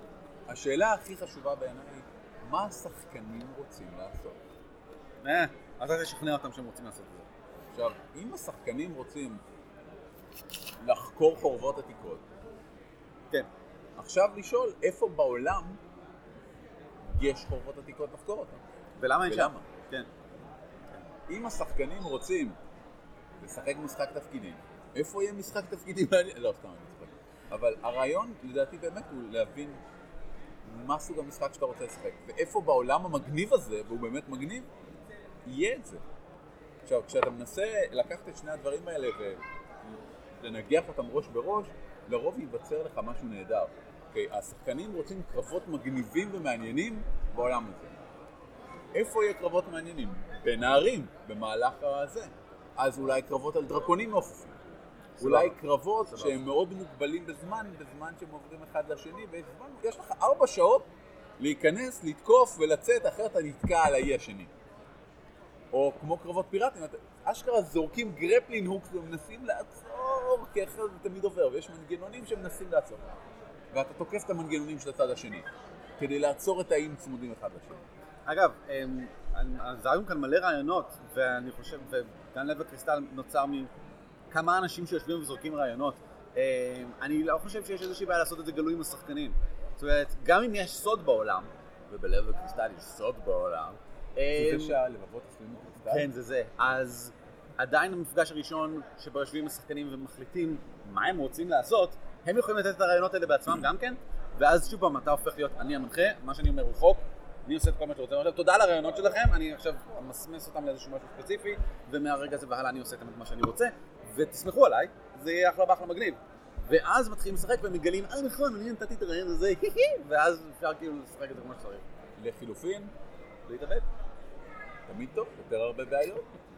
אבל יש אה, קבוצות אינטרנט, נקודת ניסיון, כן, כן, אה, כן. קבוצת תמיכה למנחים, שאפשר להגיד, אתה לא אין לי. רעיון, הנה עולם מגניב, איזה הרפתקאות נראה לכם מגניב לה- להריץ שם? Um, הנה העשרה שלבים, עשרה אני חושב, שלקחתי מאיזשהו מקום באינטרנט. Um, באינטרנט. שאלה ראשונה, מה האווירה של המשחק שלך? מהו ה-look and feel שלו? איך זה מריח מבחינה רגשית ואסתטית?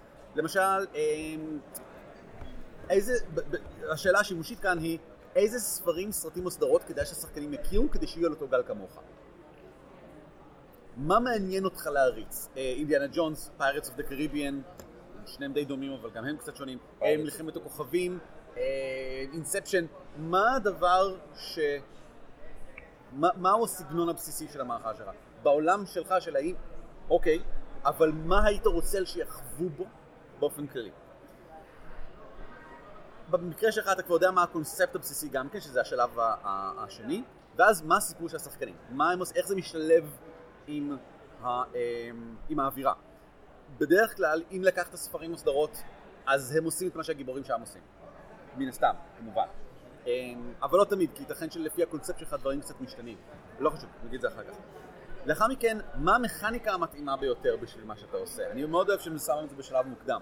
אמ, בגלל שזה זה, זה משקף וקובע את ה-look and feel שלך. אם אתה משחק אינדיאנה ג'ונס, וואלה Savage זה מצוין פה. גם Fate יכול להיות די סבבה פה, אבל אני בטח לא הייתי ממליץ על משהו כמו Monsterhearts. זה משחק פנטסטי, אבל כנראה לא בשביל זה. אמ, אתה יודע כבר מה המכניקה שאתה רוצה? אתה יודע כבר מה השיטה שאתה רוצה להשתמש בה? אמ, בגדול זה, אני, אני מתלבט בין שתיים שאני, שאני, שאני מכיר פשוט ו, ו, ואני מרגיש בנוח איתם. אחד זה, זה D&D 5, סבבה. שזה, והשנייה היא Pathfinder, כלומר שתיהן הן מאוד יותר טקטיות. סבבה. ו... אז הם פועלים, הם עושים, על, אה, הם כן, עושים, אוקיי, שמות סבבה. הרבה יותר דגש על, אה, על, על קומבט מאשר על רולפליי. כן, אבל, אבל הן גם, הן, הן, הן... ומצ... והן גם אפיות, כלומר ה- כן. הדמויות אמורות להצליח. כן, כן. תשמע, זה פשוט מגניב את הטוסיק, ולדעתי יש איים מרחפים כאלה שהם נטושים, אוקיי? לא ברור למה, והם במסלולים, ויש תקופות שהאיים האלה עוברים ליד האיים המיושבים, וזו תקופה מאוד קצרה. ואז כמו בזנדריק, פושטים. עליה. ואז כן, יש קבוצות של, לא נקרא להם הרפתקנים, לא נקרא להם פושטי, אה, אה, פושטי איים. פושטי איים. הם פושטים עלים. הם החבר'ה הם החברות. שהם עובדים עבור העיר, הפושטקים, ויש קבוצות של פושטקים שהם אז יוצאים יפה. ל- לאי השני, יש להם כמה שעות או כמה ימים, תלוי כאילו כן. בקצב התקדמות, והם חייבים, הם מוצאים שם דברים שימושיים לעיר, חוזרים עם זה, ואז העיר מפצה אותם על זה, הם ציידי גרוטאות. אז אמרת משהו מגניב, אמרת עיר, ולא מדינה למשל. נכון. וזו השאלה הבאה, מה הם הגופים החברתיים הגדולים במערכה? כדי לשלב אותם עם, ה, עם השחקנים. למשל, מספיקים, הם ממליצים פה חמישה-שישה ארגונים משמעותיים. ערים גדולות, אה, ליגת הפיראטים, אה, האיים החופשיים, קבוצת חוקרי העתיקות, גילדה, whatever. עתיקות, פושטקים, אה, פושטקים. הפושטקים. כאילו, ברגע שיש לך כמה שמות גדולים של אנשים שאכפת להם מה look and feel, למשל אם אנחנו משחקים אה, את זה, שזה נשמע קצת כמו... אה, זה זה נשמע טיפה כמו, לא Stargate. האמת, בהתחלה חשבתי שזה כמו Stargate, עד שאמרת שהם מפוצים על ידי הזה, זה נשמע יותר כמו... הם עובדים אה, עבור העיר, זה קרום של רייג'יוס בווריאנט. מה? לא משנה. אוקיי. שהם נידונים למוות. אולי או נידונים למוות. או שהם שהם דקנים, שיכולים יש שם להתנדב מפלצות, להיות אז פושטקים כדי כל ש- ה... אז איזה, קבוצות יש בעולם הזה? אם הם נידונים למוות, אז על אחד מהאיים הזה יש קבוצה של נידונים למוות שנאספו ומקימים לעצמם תרבות משלהם למשל, בוודאי. בוודאי כאילו הם כולם אכזרים כאלה אחד לשני. וכזה, אפילו וקצת אם פסוק לא בלי. כל האיים הם לא מיושבים, אלא אנחנו לא יודעים מה יש עליהם. סבבה. עם מי הם כאילו יכולים להפעיל... לעקוב, שמגיעים פעם אי ב-20 חדש שנה יכול ל- להיות בדיוק, משהו בדיוק. עם מי הם יכולים ליפול, להתרומם, לעבור מסלולים. האם- יכולים, השאלה היא איך זה משפיע על אנשים. זאת אומרת, מה, מה הקבוצות הפוליטיות הגדולות המשמעותיות שהשחקנים יתממשקו איתן. ואני חושב שברגע שיש לנו את זה, אנחנו לא יודעים בדיוק מה השחקנים עושים. השאלות הבאות הן כבר אה, נובעות באופן טבעי. מי הם שחקני המשנה עצמם? מי הם האנשים שכדאי שיהיה לך את השמות שלהם? אה, הקיסר, Jabba the Hutt, whatever. שאולי. מי הם האיומים המרכזיים במערכה? מהן הבעיות שעומדות בפניהם? אם אתה, אני, אני חושב שזה מצוין? לשים את זה, מחסור במשאבים, אה, ליגת הזה שונאת את אה, עיירת הזה, אה, האם מתחילים ליפול, אה, חלק מגיע האי הגדול עם ה, שאנחנו יודעים שיש לו דרקונים, כל מיני דברים שכאלה. מה, מה, למה אנחנו, ממה אנחנו דואגים? מה מפריע לגופים הגדולים האלה עכשיו?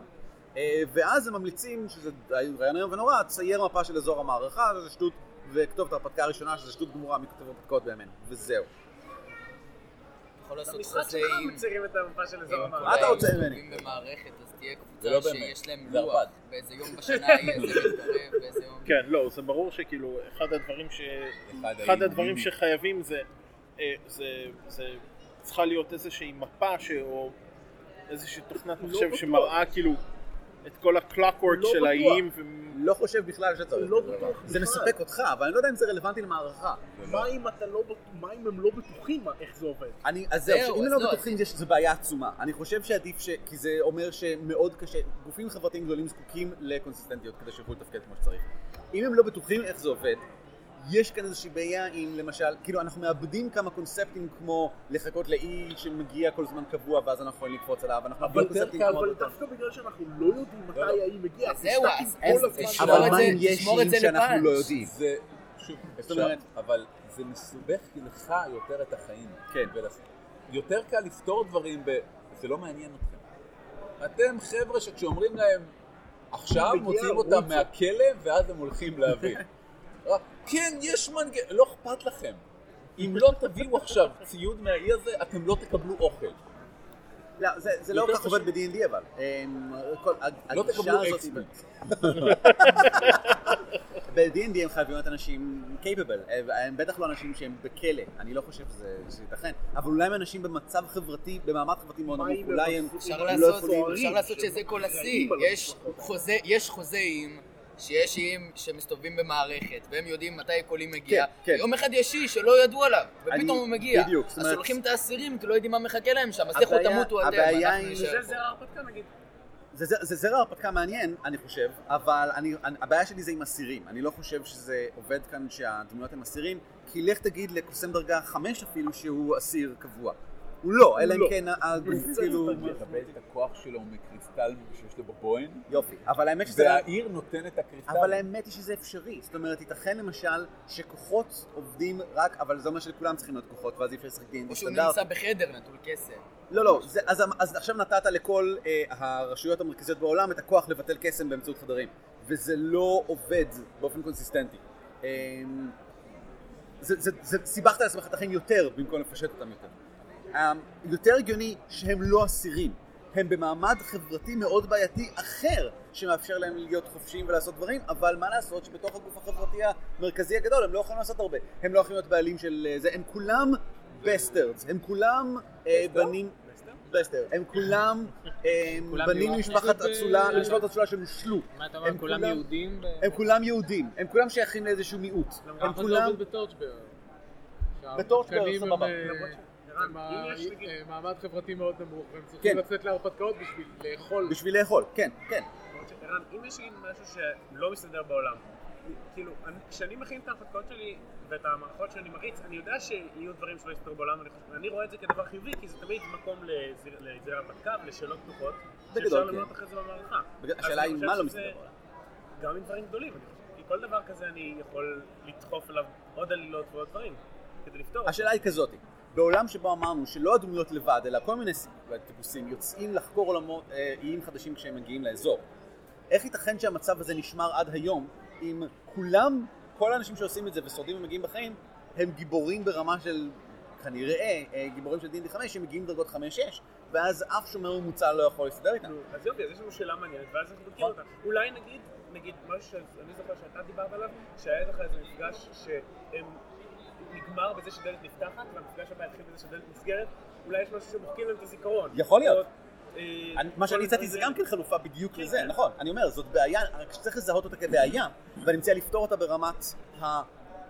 ברמה שבה לא מסבכים דברים יותר, אלא מפשטים אותם יותר. אה, בכל מקרה, ברוב הבעיות הגדולות האלה, יש כבר יצירת מדע בדיוני או פנטזיה שפתרה אותה. זה נכון מאוד. למשל, אה, כל עניין האסירים למשל, אה, אני חושב על דיון, בחולית, שפתרו את זה נורא יפה, יש לך את פשוט ה... משאירים אותם על הכוכב. לא, יש את החילות של הקיסר, הסרדוקר, שהם החיילים הכי אכזריים וחזקים ביקום, והם מגייסים אותם אך ורק בפושעים בכוכב אה, פשע, לא, כוכב אה, כלא. כלא.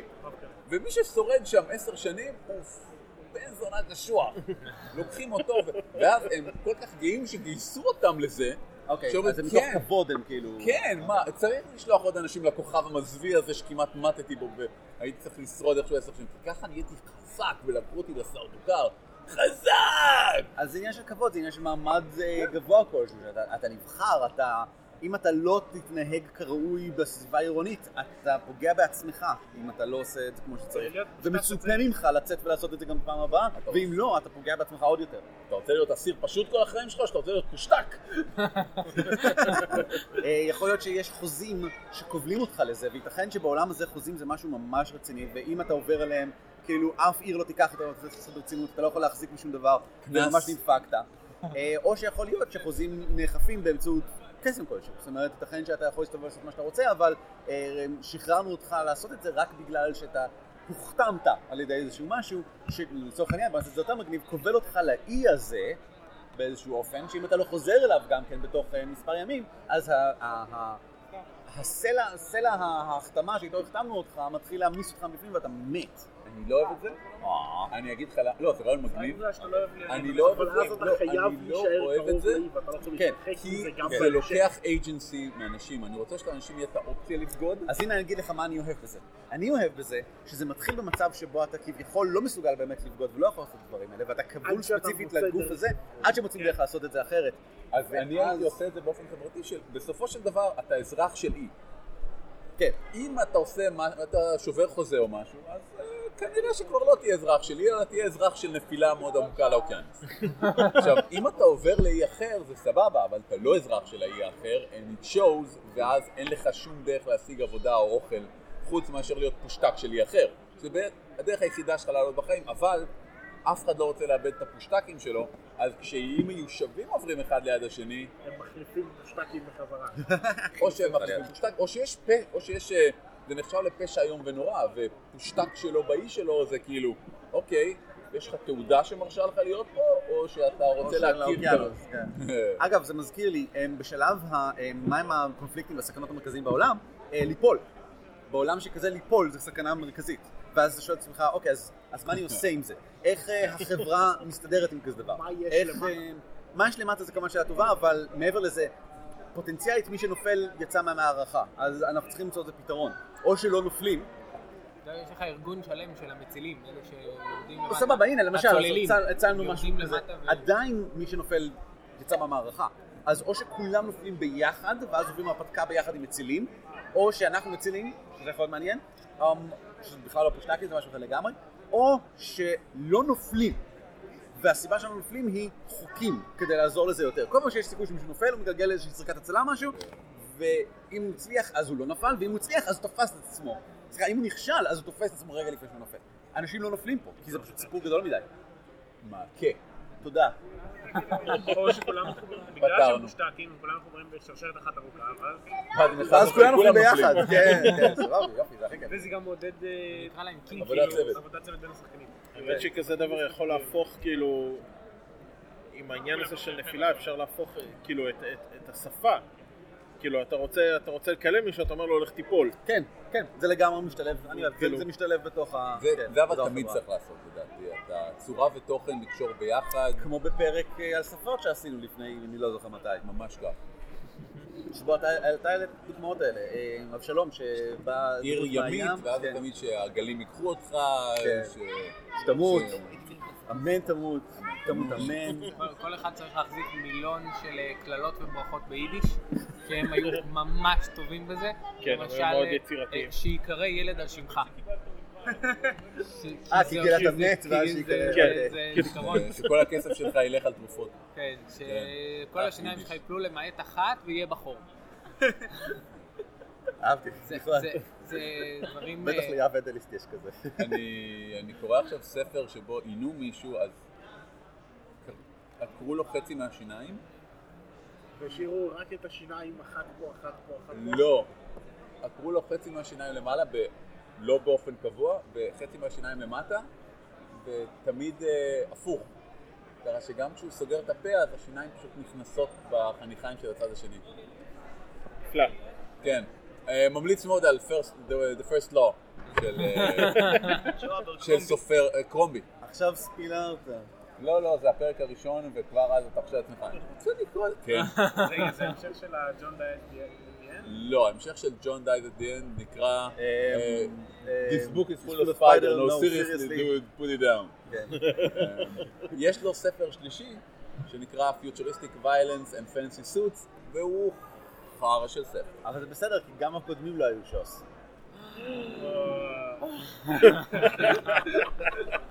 טעית. John Dies at the End. טוב, פייט, גם זה. אני Fate זה נחמד, אבל אני לא יודע, נראה לי מורכב. בכל מקרה, מה אה, מה משחקים? מה... נשחק הייסט. משחק, אה כן? אחר כך, אחר כך משחק הייסט. אה, לאורי יש משחק בשם הייסט. אה. אה, עוד שאלות מערכות פוטנציאליות? רגע, הרהורים לגבי מערכות? אף אחד לא דיבר על זה. אני לא יודע על מה אתה מדבר. אה, סבבה יופי, אז לכולם יש את כל המערכות שהם רוצים והכל מושלם. נהדר. פנטסטי. אנחנו משחקים במהדורה אני 5. מה מה? משחקים מהדורה 5.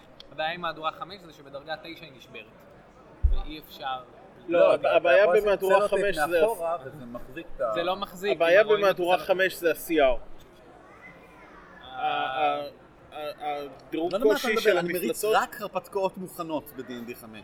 אז- אגב, הפתרון אני המושלם לא. לדברים כאלה זה אוקיי, לא לעשות את זה, להריץ אותם. אני בניתי כמה, בניתי אה, קמפיין במהדורה 5. זו הטעות הוא שלך. והוא היה ממש נהדר, אבל הבעיה היא שברגע שחבורה מגיעה לכאילו לחמישה שחקנים דרגה 5, אז כן. בעיקרון קרב קשה אה, אמור להיות, אה, או קרב ממוצע אמור להיות משהו ב-CR 5.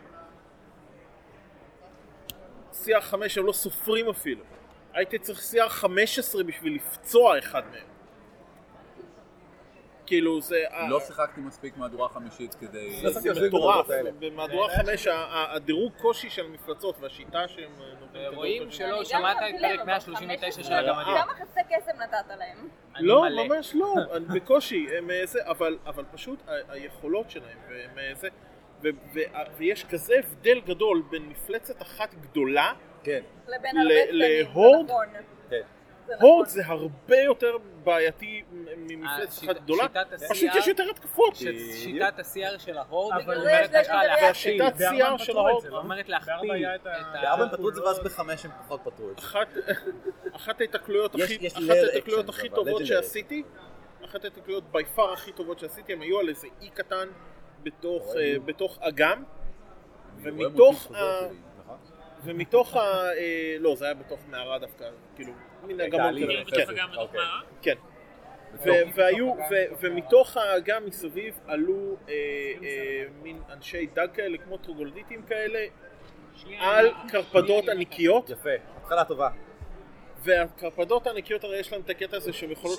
וזה, וכאילו, ותוך, ש- כאילו קרב ש... ש... סך הכל כאילו אני חושב היה CR8 או משהו כזה והדמויות היו לא, לא נורא, מס... כאילו לא היה נורא מסובך לדמויות אמור להתמודד עם זה אבל הדבר הזה ש... של הראשון של הזה שני סיבובים לתוך הקרב חצי החבורה מנוטרלת והחצי השני במצב קשה מאוד והחבורה כזה רגע בואו בוא נעשה חושבים? שנייה מה? כן אלה בולי ואגים. אלה אה. על על קרפדות. ענקיות כן. יש בזה משהו קצת אינסטי. עשיתי בסדר. התקלות כזו בפאת'פיינדר לחבורה השנייה שאני מריץ לה. אה, התחלנו לשחק את הקריפטו פרפליים. ההתקלות הראשונה החלטתי שאני מוסיף אה, אה, רונה שמטילה כל טעות סליפ. זה הספל היחיד שיכולה להטיל. ואז מה שקרה שדמות אחת נכשלה, ואז אפשר לעשות לה קודגרם. כן, ודאי. ואז... זה- למה עשית כזה דבר? חושב- כי ה-CR יוצא מאוזן. זה לא משנה. אני לא... CR זה לא מדד טוב. פעם נוספת נכון, אני אומר לא שזה רק. מוכיח שלא לא שמעתם את פרק 139 של הגמדים. שאלתי את זה כבר לפני שנה ומשהו. על מה קורה עם... אה, אה, האם הקרב קשה מדי? מי אתה? תמיד בלום. ו- ואם, אה, אם, ולפעמים ה-CR לא מייצג שום דבר, ערן נתן לי לדעתי דוגמה על פיות שיניים. כן, ש... נכון את הצורה. שפשוט החבורה. לא הייתה, ה-CR לא היה רציני, אבל כן. הקבוצה לא הייתה מוכנה להתמודד עם יצור אתה לא. בדרגה אחת אתה לא מסוגל להתמודד לא עם מצוינים ולא עם פיות שלך, עמידות בייסקלי להכל, ויש להם יכולת שלא עולה על הדרגה שלך, אלא על ה... אמ, מה שמו שלך? מה הדבר השני ש- לא, לא, לא, הגנת ה... CMD, CMB. כן, אבל בעברית, אורי. עכשיו זה מתורגם, תודה. תודה, הגנת תמרון הקרב שלך, תודה לך אורי. או כמו שאני קורא לזה בעברית, CMD ו-CMD. תודה רבה לך אורי, אמ, וכאילו היא יוקרת לך שיניים, מה שמוריד לך את הכריזמה באופן קבוע בשתיים, ואני רציני לגמרי, ועושה איזה חטופה בנזק או משהו כזה. ופשוט כמו דרגה אחת זה כמו למות. כי כל מה שהרגע תיארתי זה כמו למות. אז יש שמונה כאלה כמובן, על חבורה של חמש, וזה תואם מבחינת CR. אבל... אני- אוקיי. אני אגיד משהו שהוא אה, מאוד פשוט. אני לא רוצה להגיד אותו, אני אגיד אותו בכל זאת. קרבות במוד 4-5 ופאת'פיינדר באמת קשים, באמת מפחידים, אף פעם לא קשורים ישירות להתקפות או לנזק. הם קשורים. ל-disabling ability. אוקיי? אה, רק אתמול ניהלתי שיחה נהדרת עם המנחה שלי, ה-DM ייקום דמו, יותם אבני, והוא אמר שהם היו דמויות דרגה 4 או משהו מטופש כזה, ברד ו- וסורסור, והם נלחמו בקשת דרגה 8, שפתח להם כאילו, כאילו הם היו קובולדים, הם היו בדרגה 4 או 14? הם היו 4, הוא היה 8, באיזה שיטה? הפיל אותם מרחוק, ב Pathfinder. Pathfinder, ואז הם פשוט בשילוב מוצלח עשו איזה לחש שגרם לו ל stun, לסיבוב.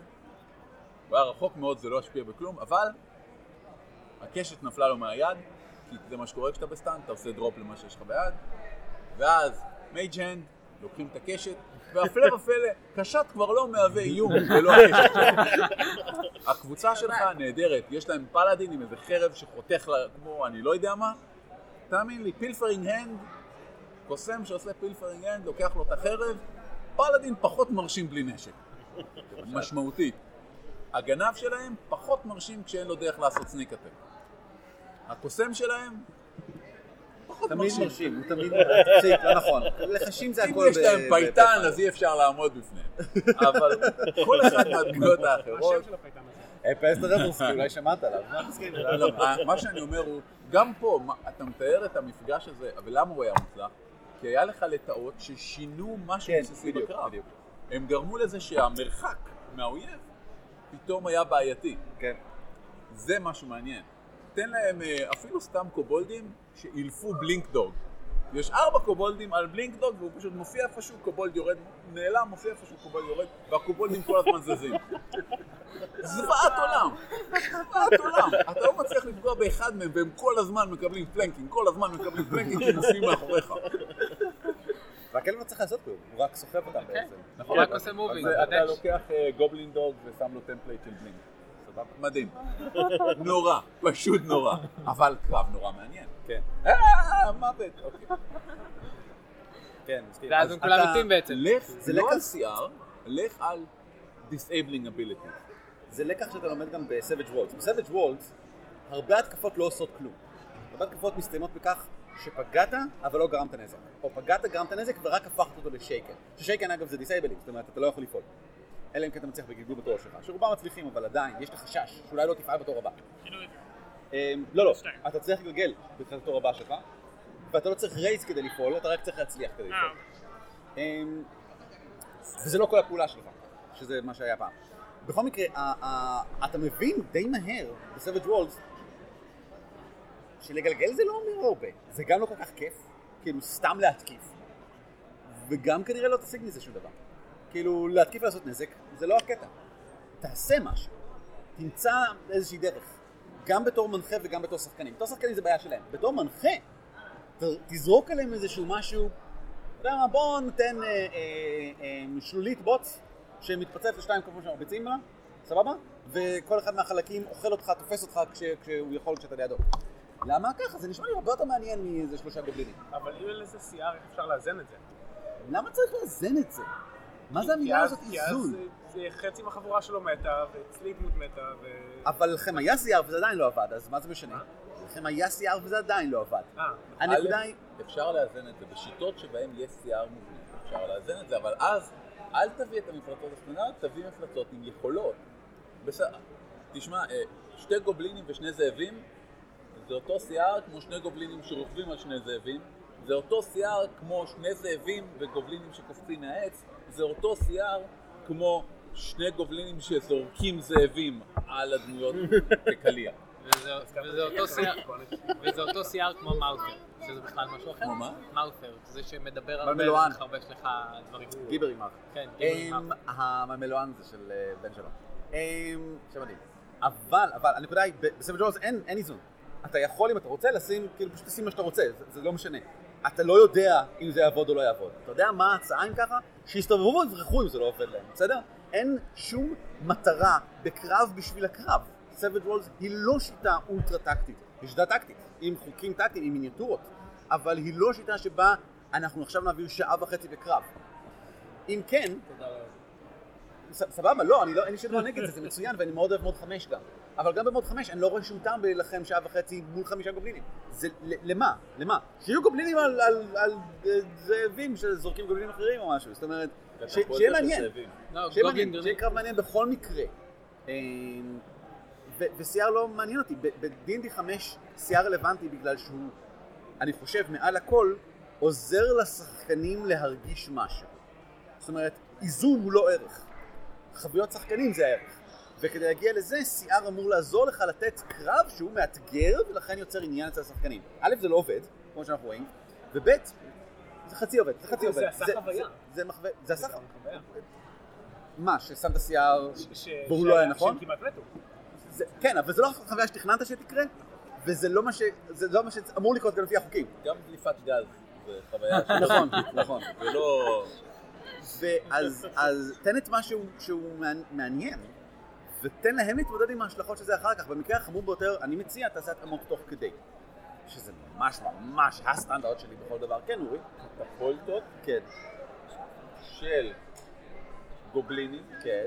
רכובים על זאבים, יפה. יש להם טבעות של פזרפול, אוקיי. והם ממש, אני ברגע האחרון הם שמים את זה כדי... לפני סיום, לפני סיום, יש לנו עוד פחות מ-20 דקות, אני רוצה... אני רוצה להגיד משהו אחרון לגבי חישולי מערכה גם כן, אורי, כי זה גם רלוונטי. דיברתי מקודם על מערכות מוכנות, ולמה אני חושב שזה הדבר הכי טוב בעולם להריץ ב-D&D וב-Pathfinder, ואני עדיין חושב שזה נכון.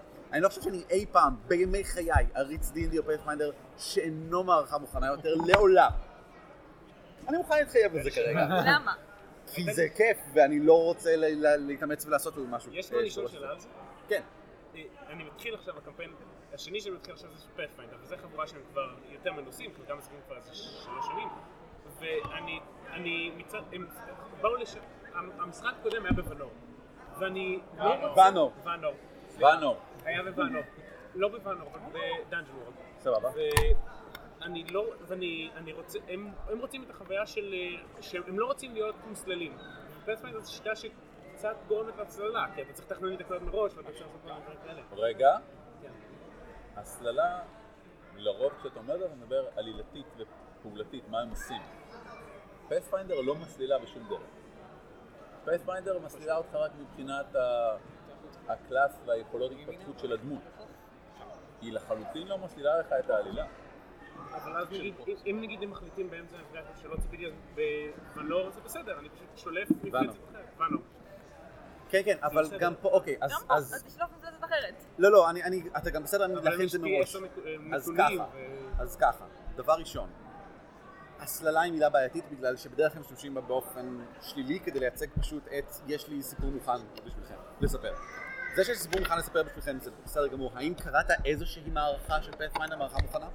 אה, לא, כי לא. אתה תגלה שהרבה מאוד מהן הן מאוד מוסללות במובן של זה סיפור אחד יחיד לספר, אבל השחקנים זורמים בו בכל הכיף שלהם בעולם, בגלל שזה ברור להם שזה מה שהם רוצים, הם רוצים לעשות את זה, המערכה טובעת בהם את הדברים שהם רוצים לעשות הלאה. וזה מתחבר מדהים לדבר שרציתי בדיוק להגיד. הם, אחת המערכות שאני הכי ממליץ עליהן, במיוחד בשביל שחקנים כמו, כמו שלך, שרוצים עולם פתוח, זה uh, Hell's Rebels. Hell's Rebels מתרחש בתוך עיר שנמצאת תחת מצור, לא בדיוק מצור, מה? למה? אתה לא אוהב אותה? סתם, סתם. זה מערכה יפת חושב- שיניים, לא? זה מה? זה לא- המערכה עם יפי השיניים. Hell's Rebels זה מערכה עם, אמ, שבה העיר נמצאת תחת אמ, מצור. בתהליך מרד, של את מרד. בתהליך של מרד, ובייסקלי השחקנים. סבבה, השחקנים מתחילים להרים מאפס מרד בתוך העיר. וכל ההרפתקה הראשונה היא אוסף של שמועות שהם יכולים לרדוף אחריהם. ו- כן, חשבתי שבהתחלה אתם במצור שם. לא, לא, לא, לא, זה לא מצור. לא, לא, לא, אין מצור. יש... אמ, הסצנה הראשונה זה. הסצנה הראשונה זה-. Hell's Hell's Vengeance. Vengeance זה זה כן, משהו זה אחר. כן, כן. אז ככה, ב Hell's Rebels השחקנים, אתה מתחיל בלתת להם, תראו הנה העיר, תתחילו להסתובב. זאת אומרת, אה, ואתם שומעים שמועות שכאן יש משהו, אה, ואתם שומעים שמועות שכאן יש משהו, אה, והחבר'ה האלה אומרים לכם, וואי, אני ממש כדאי אם תשיגו את הדבר הזה. וזה מתחיל בכך שכל השחקנים בהכרח משחקים דמויות שיש להם אינטרס להתחיל מרד בעיר. ולמה זה? בזכות ה Player's Guide, שזה מה שרציתי להגיד. במערכות מוכנות, ואני אמליץ גם במערכות שאתם יוצרים בעצמכם, ואני, אחרי זה תענוג ליצור את זה, שיהיה מדריך לשחקן. מדריך לשחקן, מה אתה כותב? תזכורת לעצמי. בסדר גמור. מדריך לשחקן הוא אוסף של, אה, חשבתי שהורדתי כזה מקודם. הוא אוסף של, אה, ב Pathfinder הם עושים איזה 24 עמודים או משהו כזה, שמלא בפרטים, מה זה, מה אתה כותב? אוקיי, לא חשוב, בסדר, בסדר, בסדר. אמ, כמו שיש player guide, יש mind player guide. אני רוצה לכתוב כזה. טוב. בסדר, אורי. אמ, יש, יש... קח לי אה, את הדף, אני ארשום את זה בפלאפון. לא, קח, קח, קח, והמדריך הזה גם נותן רקע היסטורי קצר, כדי שיהיה לנו אכפת, רקע קצר על העיר עצמה, כדי שנדע מה מעניין אותם לעשות בה, ו-Backgrounds לבחירה. עכשיו, לא חייבים לבחור אותם, אבל זה ממש מומלץ, ואם אתה לא עושה את זה אתה ממש טיפש. וה-Backgrounds הם, הם פריט מכני ב Pathfinder, וגם נותן לך איזשהו משהו, וגם מחבר אותך ישירות לסיפור של עיר ולרצון לעשות משהו. למשל, אני לקחתי, אה, מה זה היה? סאטיריקנית. אני שיחקתי סאטיריקנית. היא כותבת אה, טמפלייטים כנגד השלטון הנוכחי, טמפלייטים. אה, תחת שם, לא טמפלייטים, אה, פמפלייטים, נכון, תחת שם אה, עט כזה, והיא מנסה כאילו להביא להפיכה, כי היא ממש לא מרוצה מהמצב, אה, וזה הכל ה background אומר. ואתה מקבל איזשהו בונוס ללינגוויסטיקס או משהו בגלל שאתה כזה וזה. ב-Rap of the Righteous, ברייט שם של הפלייר גייד, אז אני בחרתי משהו, את ה-Chance Encounter. של- אין לזה שום קשר לדמות שלי וזה לא מועיל לה בשום צורה. Chance Encounter זה נותן אה, פלוסים ל- לבלוף ולסטלף או למשהו כזה. וזה לא היה קשור לגמרי לדמות שלי, וזה. אבל אחר כך, זה, למרות ש Wrath of the Righteous נראה כמו מערכה ש, שיש לה נתיב מאוד ברור, עדיין היה לנו הרבה דברים שה, שהדמויות שלנו עושות ו, וקורה להם, שכאילו יש, יש הרבה מקום לשחק עם זה, גם אם למרות שזה נראה אה, מסילה. ההרפתקה השלישית של Wrath היא אוסף של דברים, לכו תעשו אותם, בסדר שאתם רוצים, או אל תעשו אותם. להכין רשימה של התקלויות מראש, בכללי, לא... לא, לא, לא התקלויות, לא, לא, אירועים, אירועים, כאילו, כל אירוע יכול להיות התקלות, אבל אתה יכול לרמות, באירוע אחד אתה יכול להשתמש באותה התקלות לשלושה כן. אירועים שונים, והם יעשו רק אחד מהם, ווואי, אז אם הלכתם לקליטת פונדק, אז לא הייתם ב- במכרה המלח, יש איזה משהו כזה בזה, שמשתמש בדיוק באותם חוקים ואותם מכניקה כמו זה, רק שבמקום זה הם זורקים מלח, אה, ו-.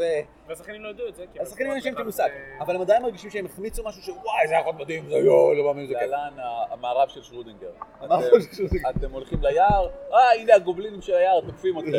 אה, הולכים. למערה, לא, לא, היי. הולכים למערה. אה הנה משלחת של הגובלינים מהיער שבדיוק. אה אם הייתם הולכים ליער הייתם בטוחים.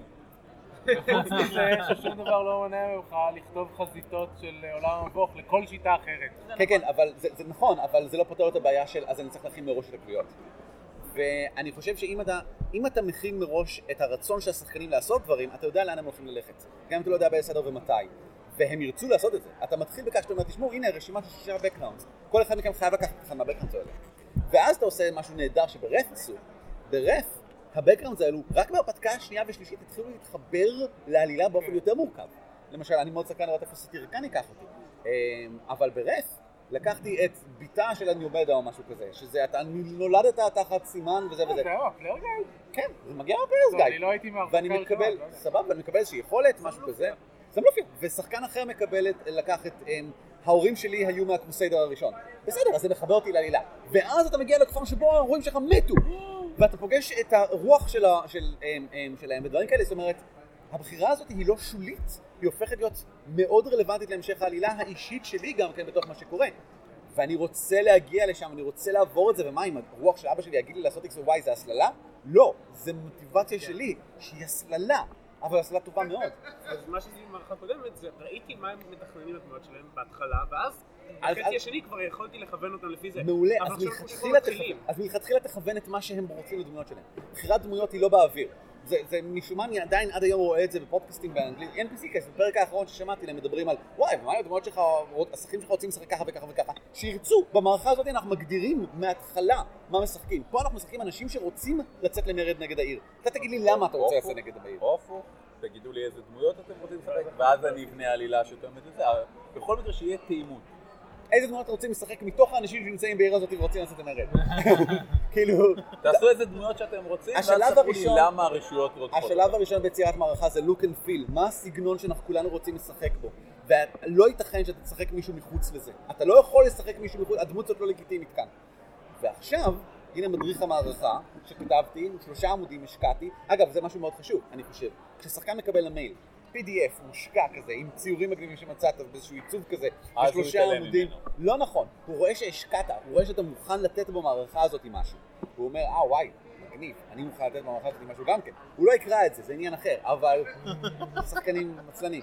אבל אז אתה מביא אחד כזה מודפס ליצירת הדמויות, שהוא סשן שכולנו עושים ביחד, תמיד, ואז אתם יושבים, ואז הם קוראים את זה, ואז אומרים, אה וואי, זה די מגניב, לא ראיתי את זה, ואז אתה אומר לו, "אתה חייב שבועיים וחצי כבר כדי שיהיה לך, כדי שתוכל לקרוא ולבוא מוכן להיום, ואז אתה יורד. סרטונים כן רואים. תכינו פתיח. מי הקליט סרטון? דודה שלי, אוקיי.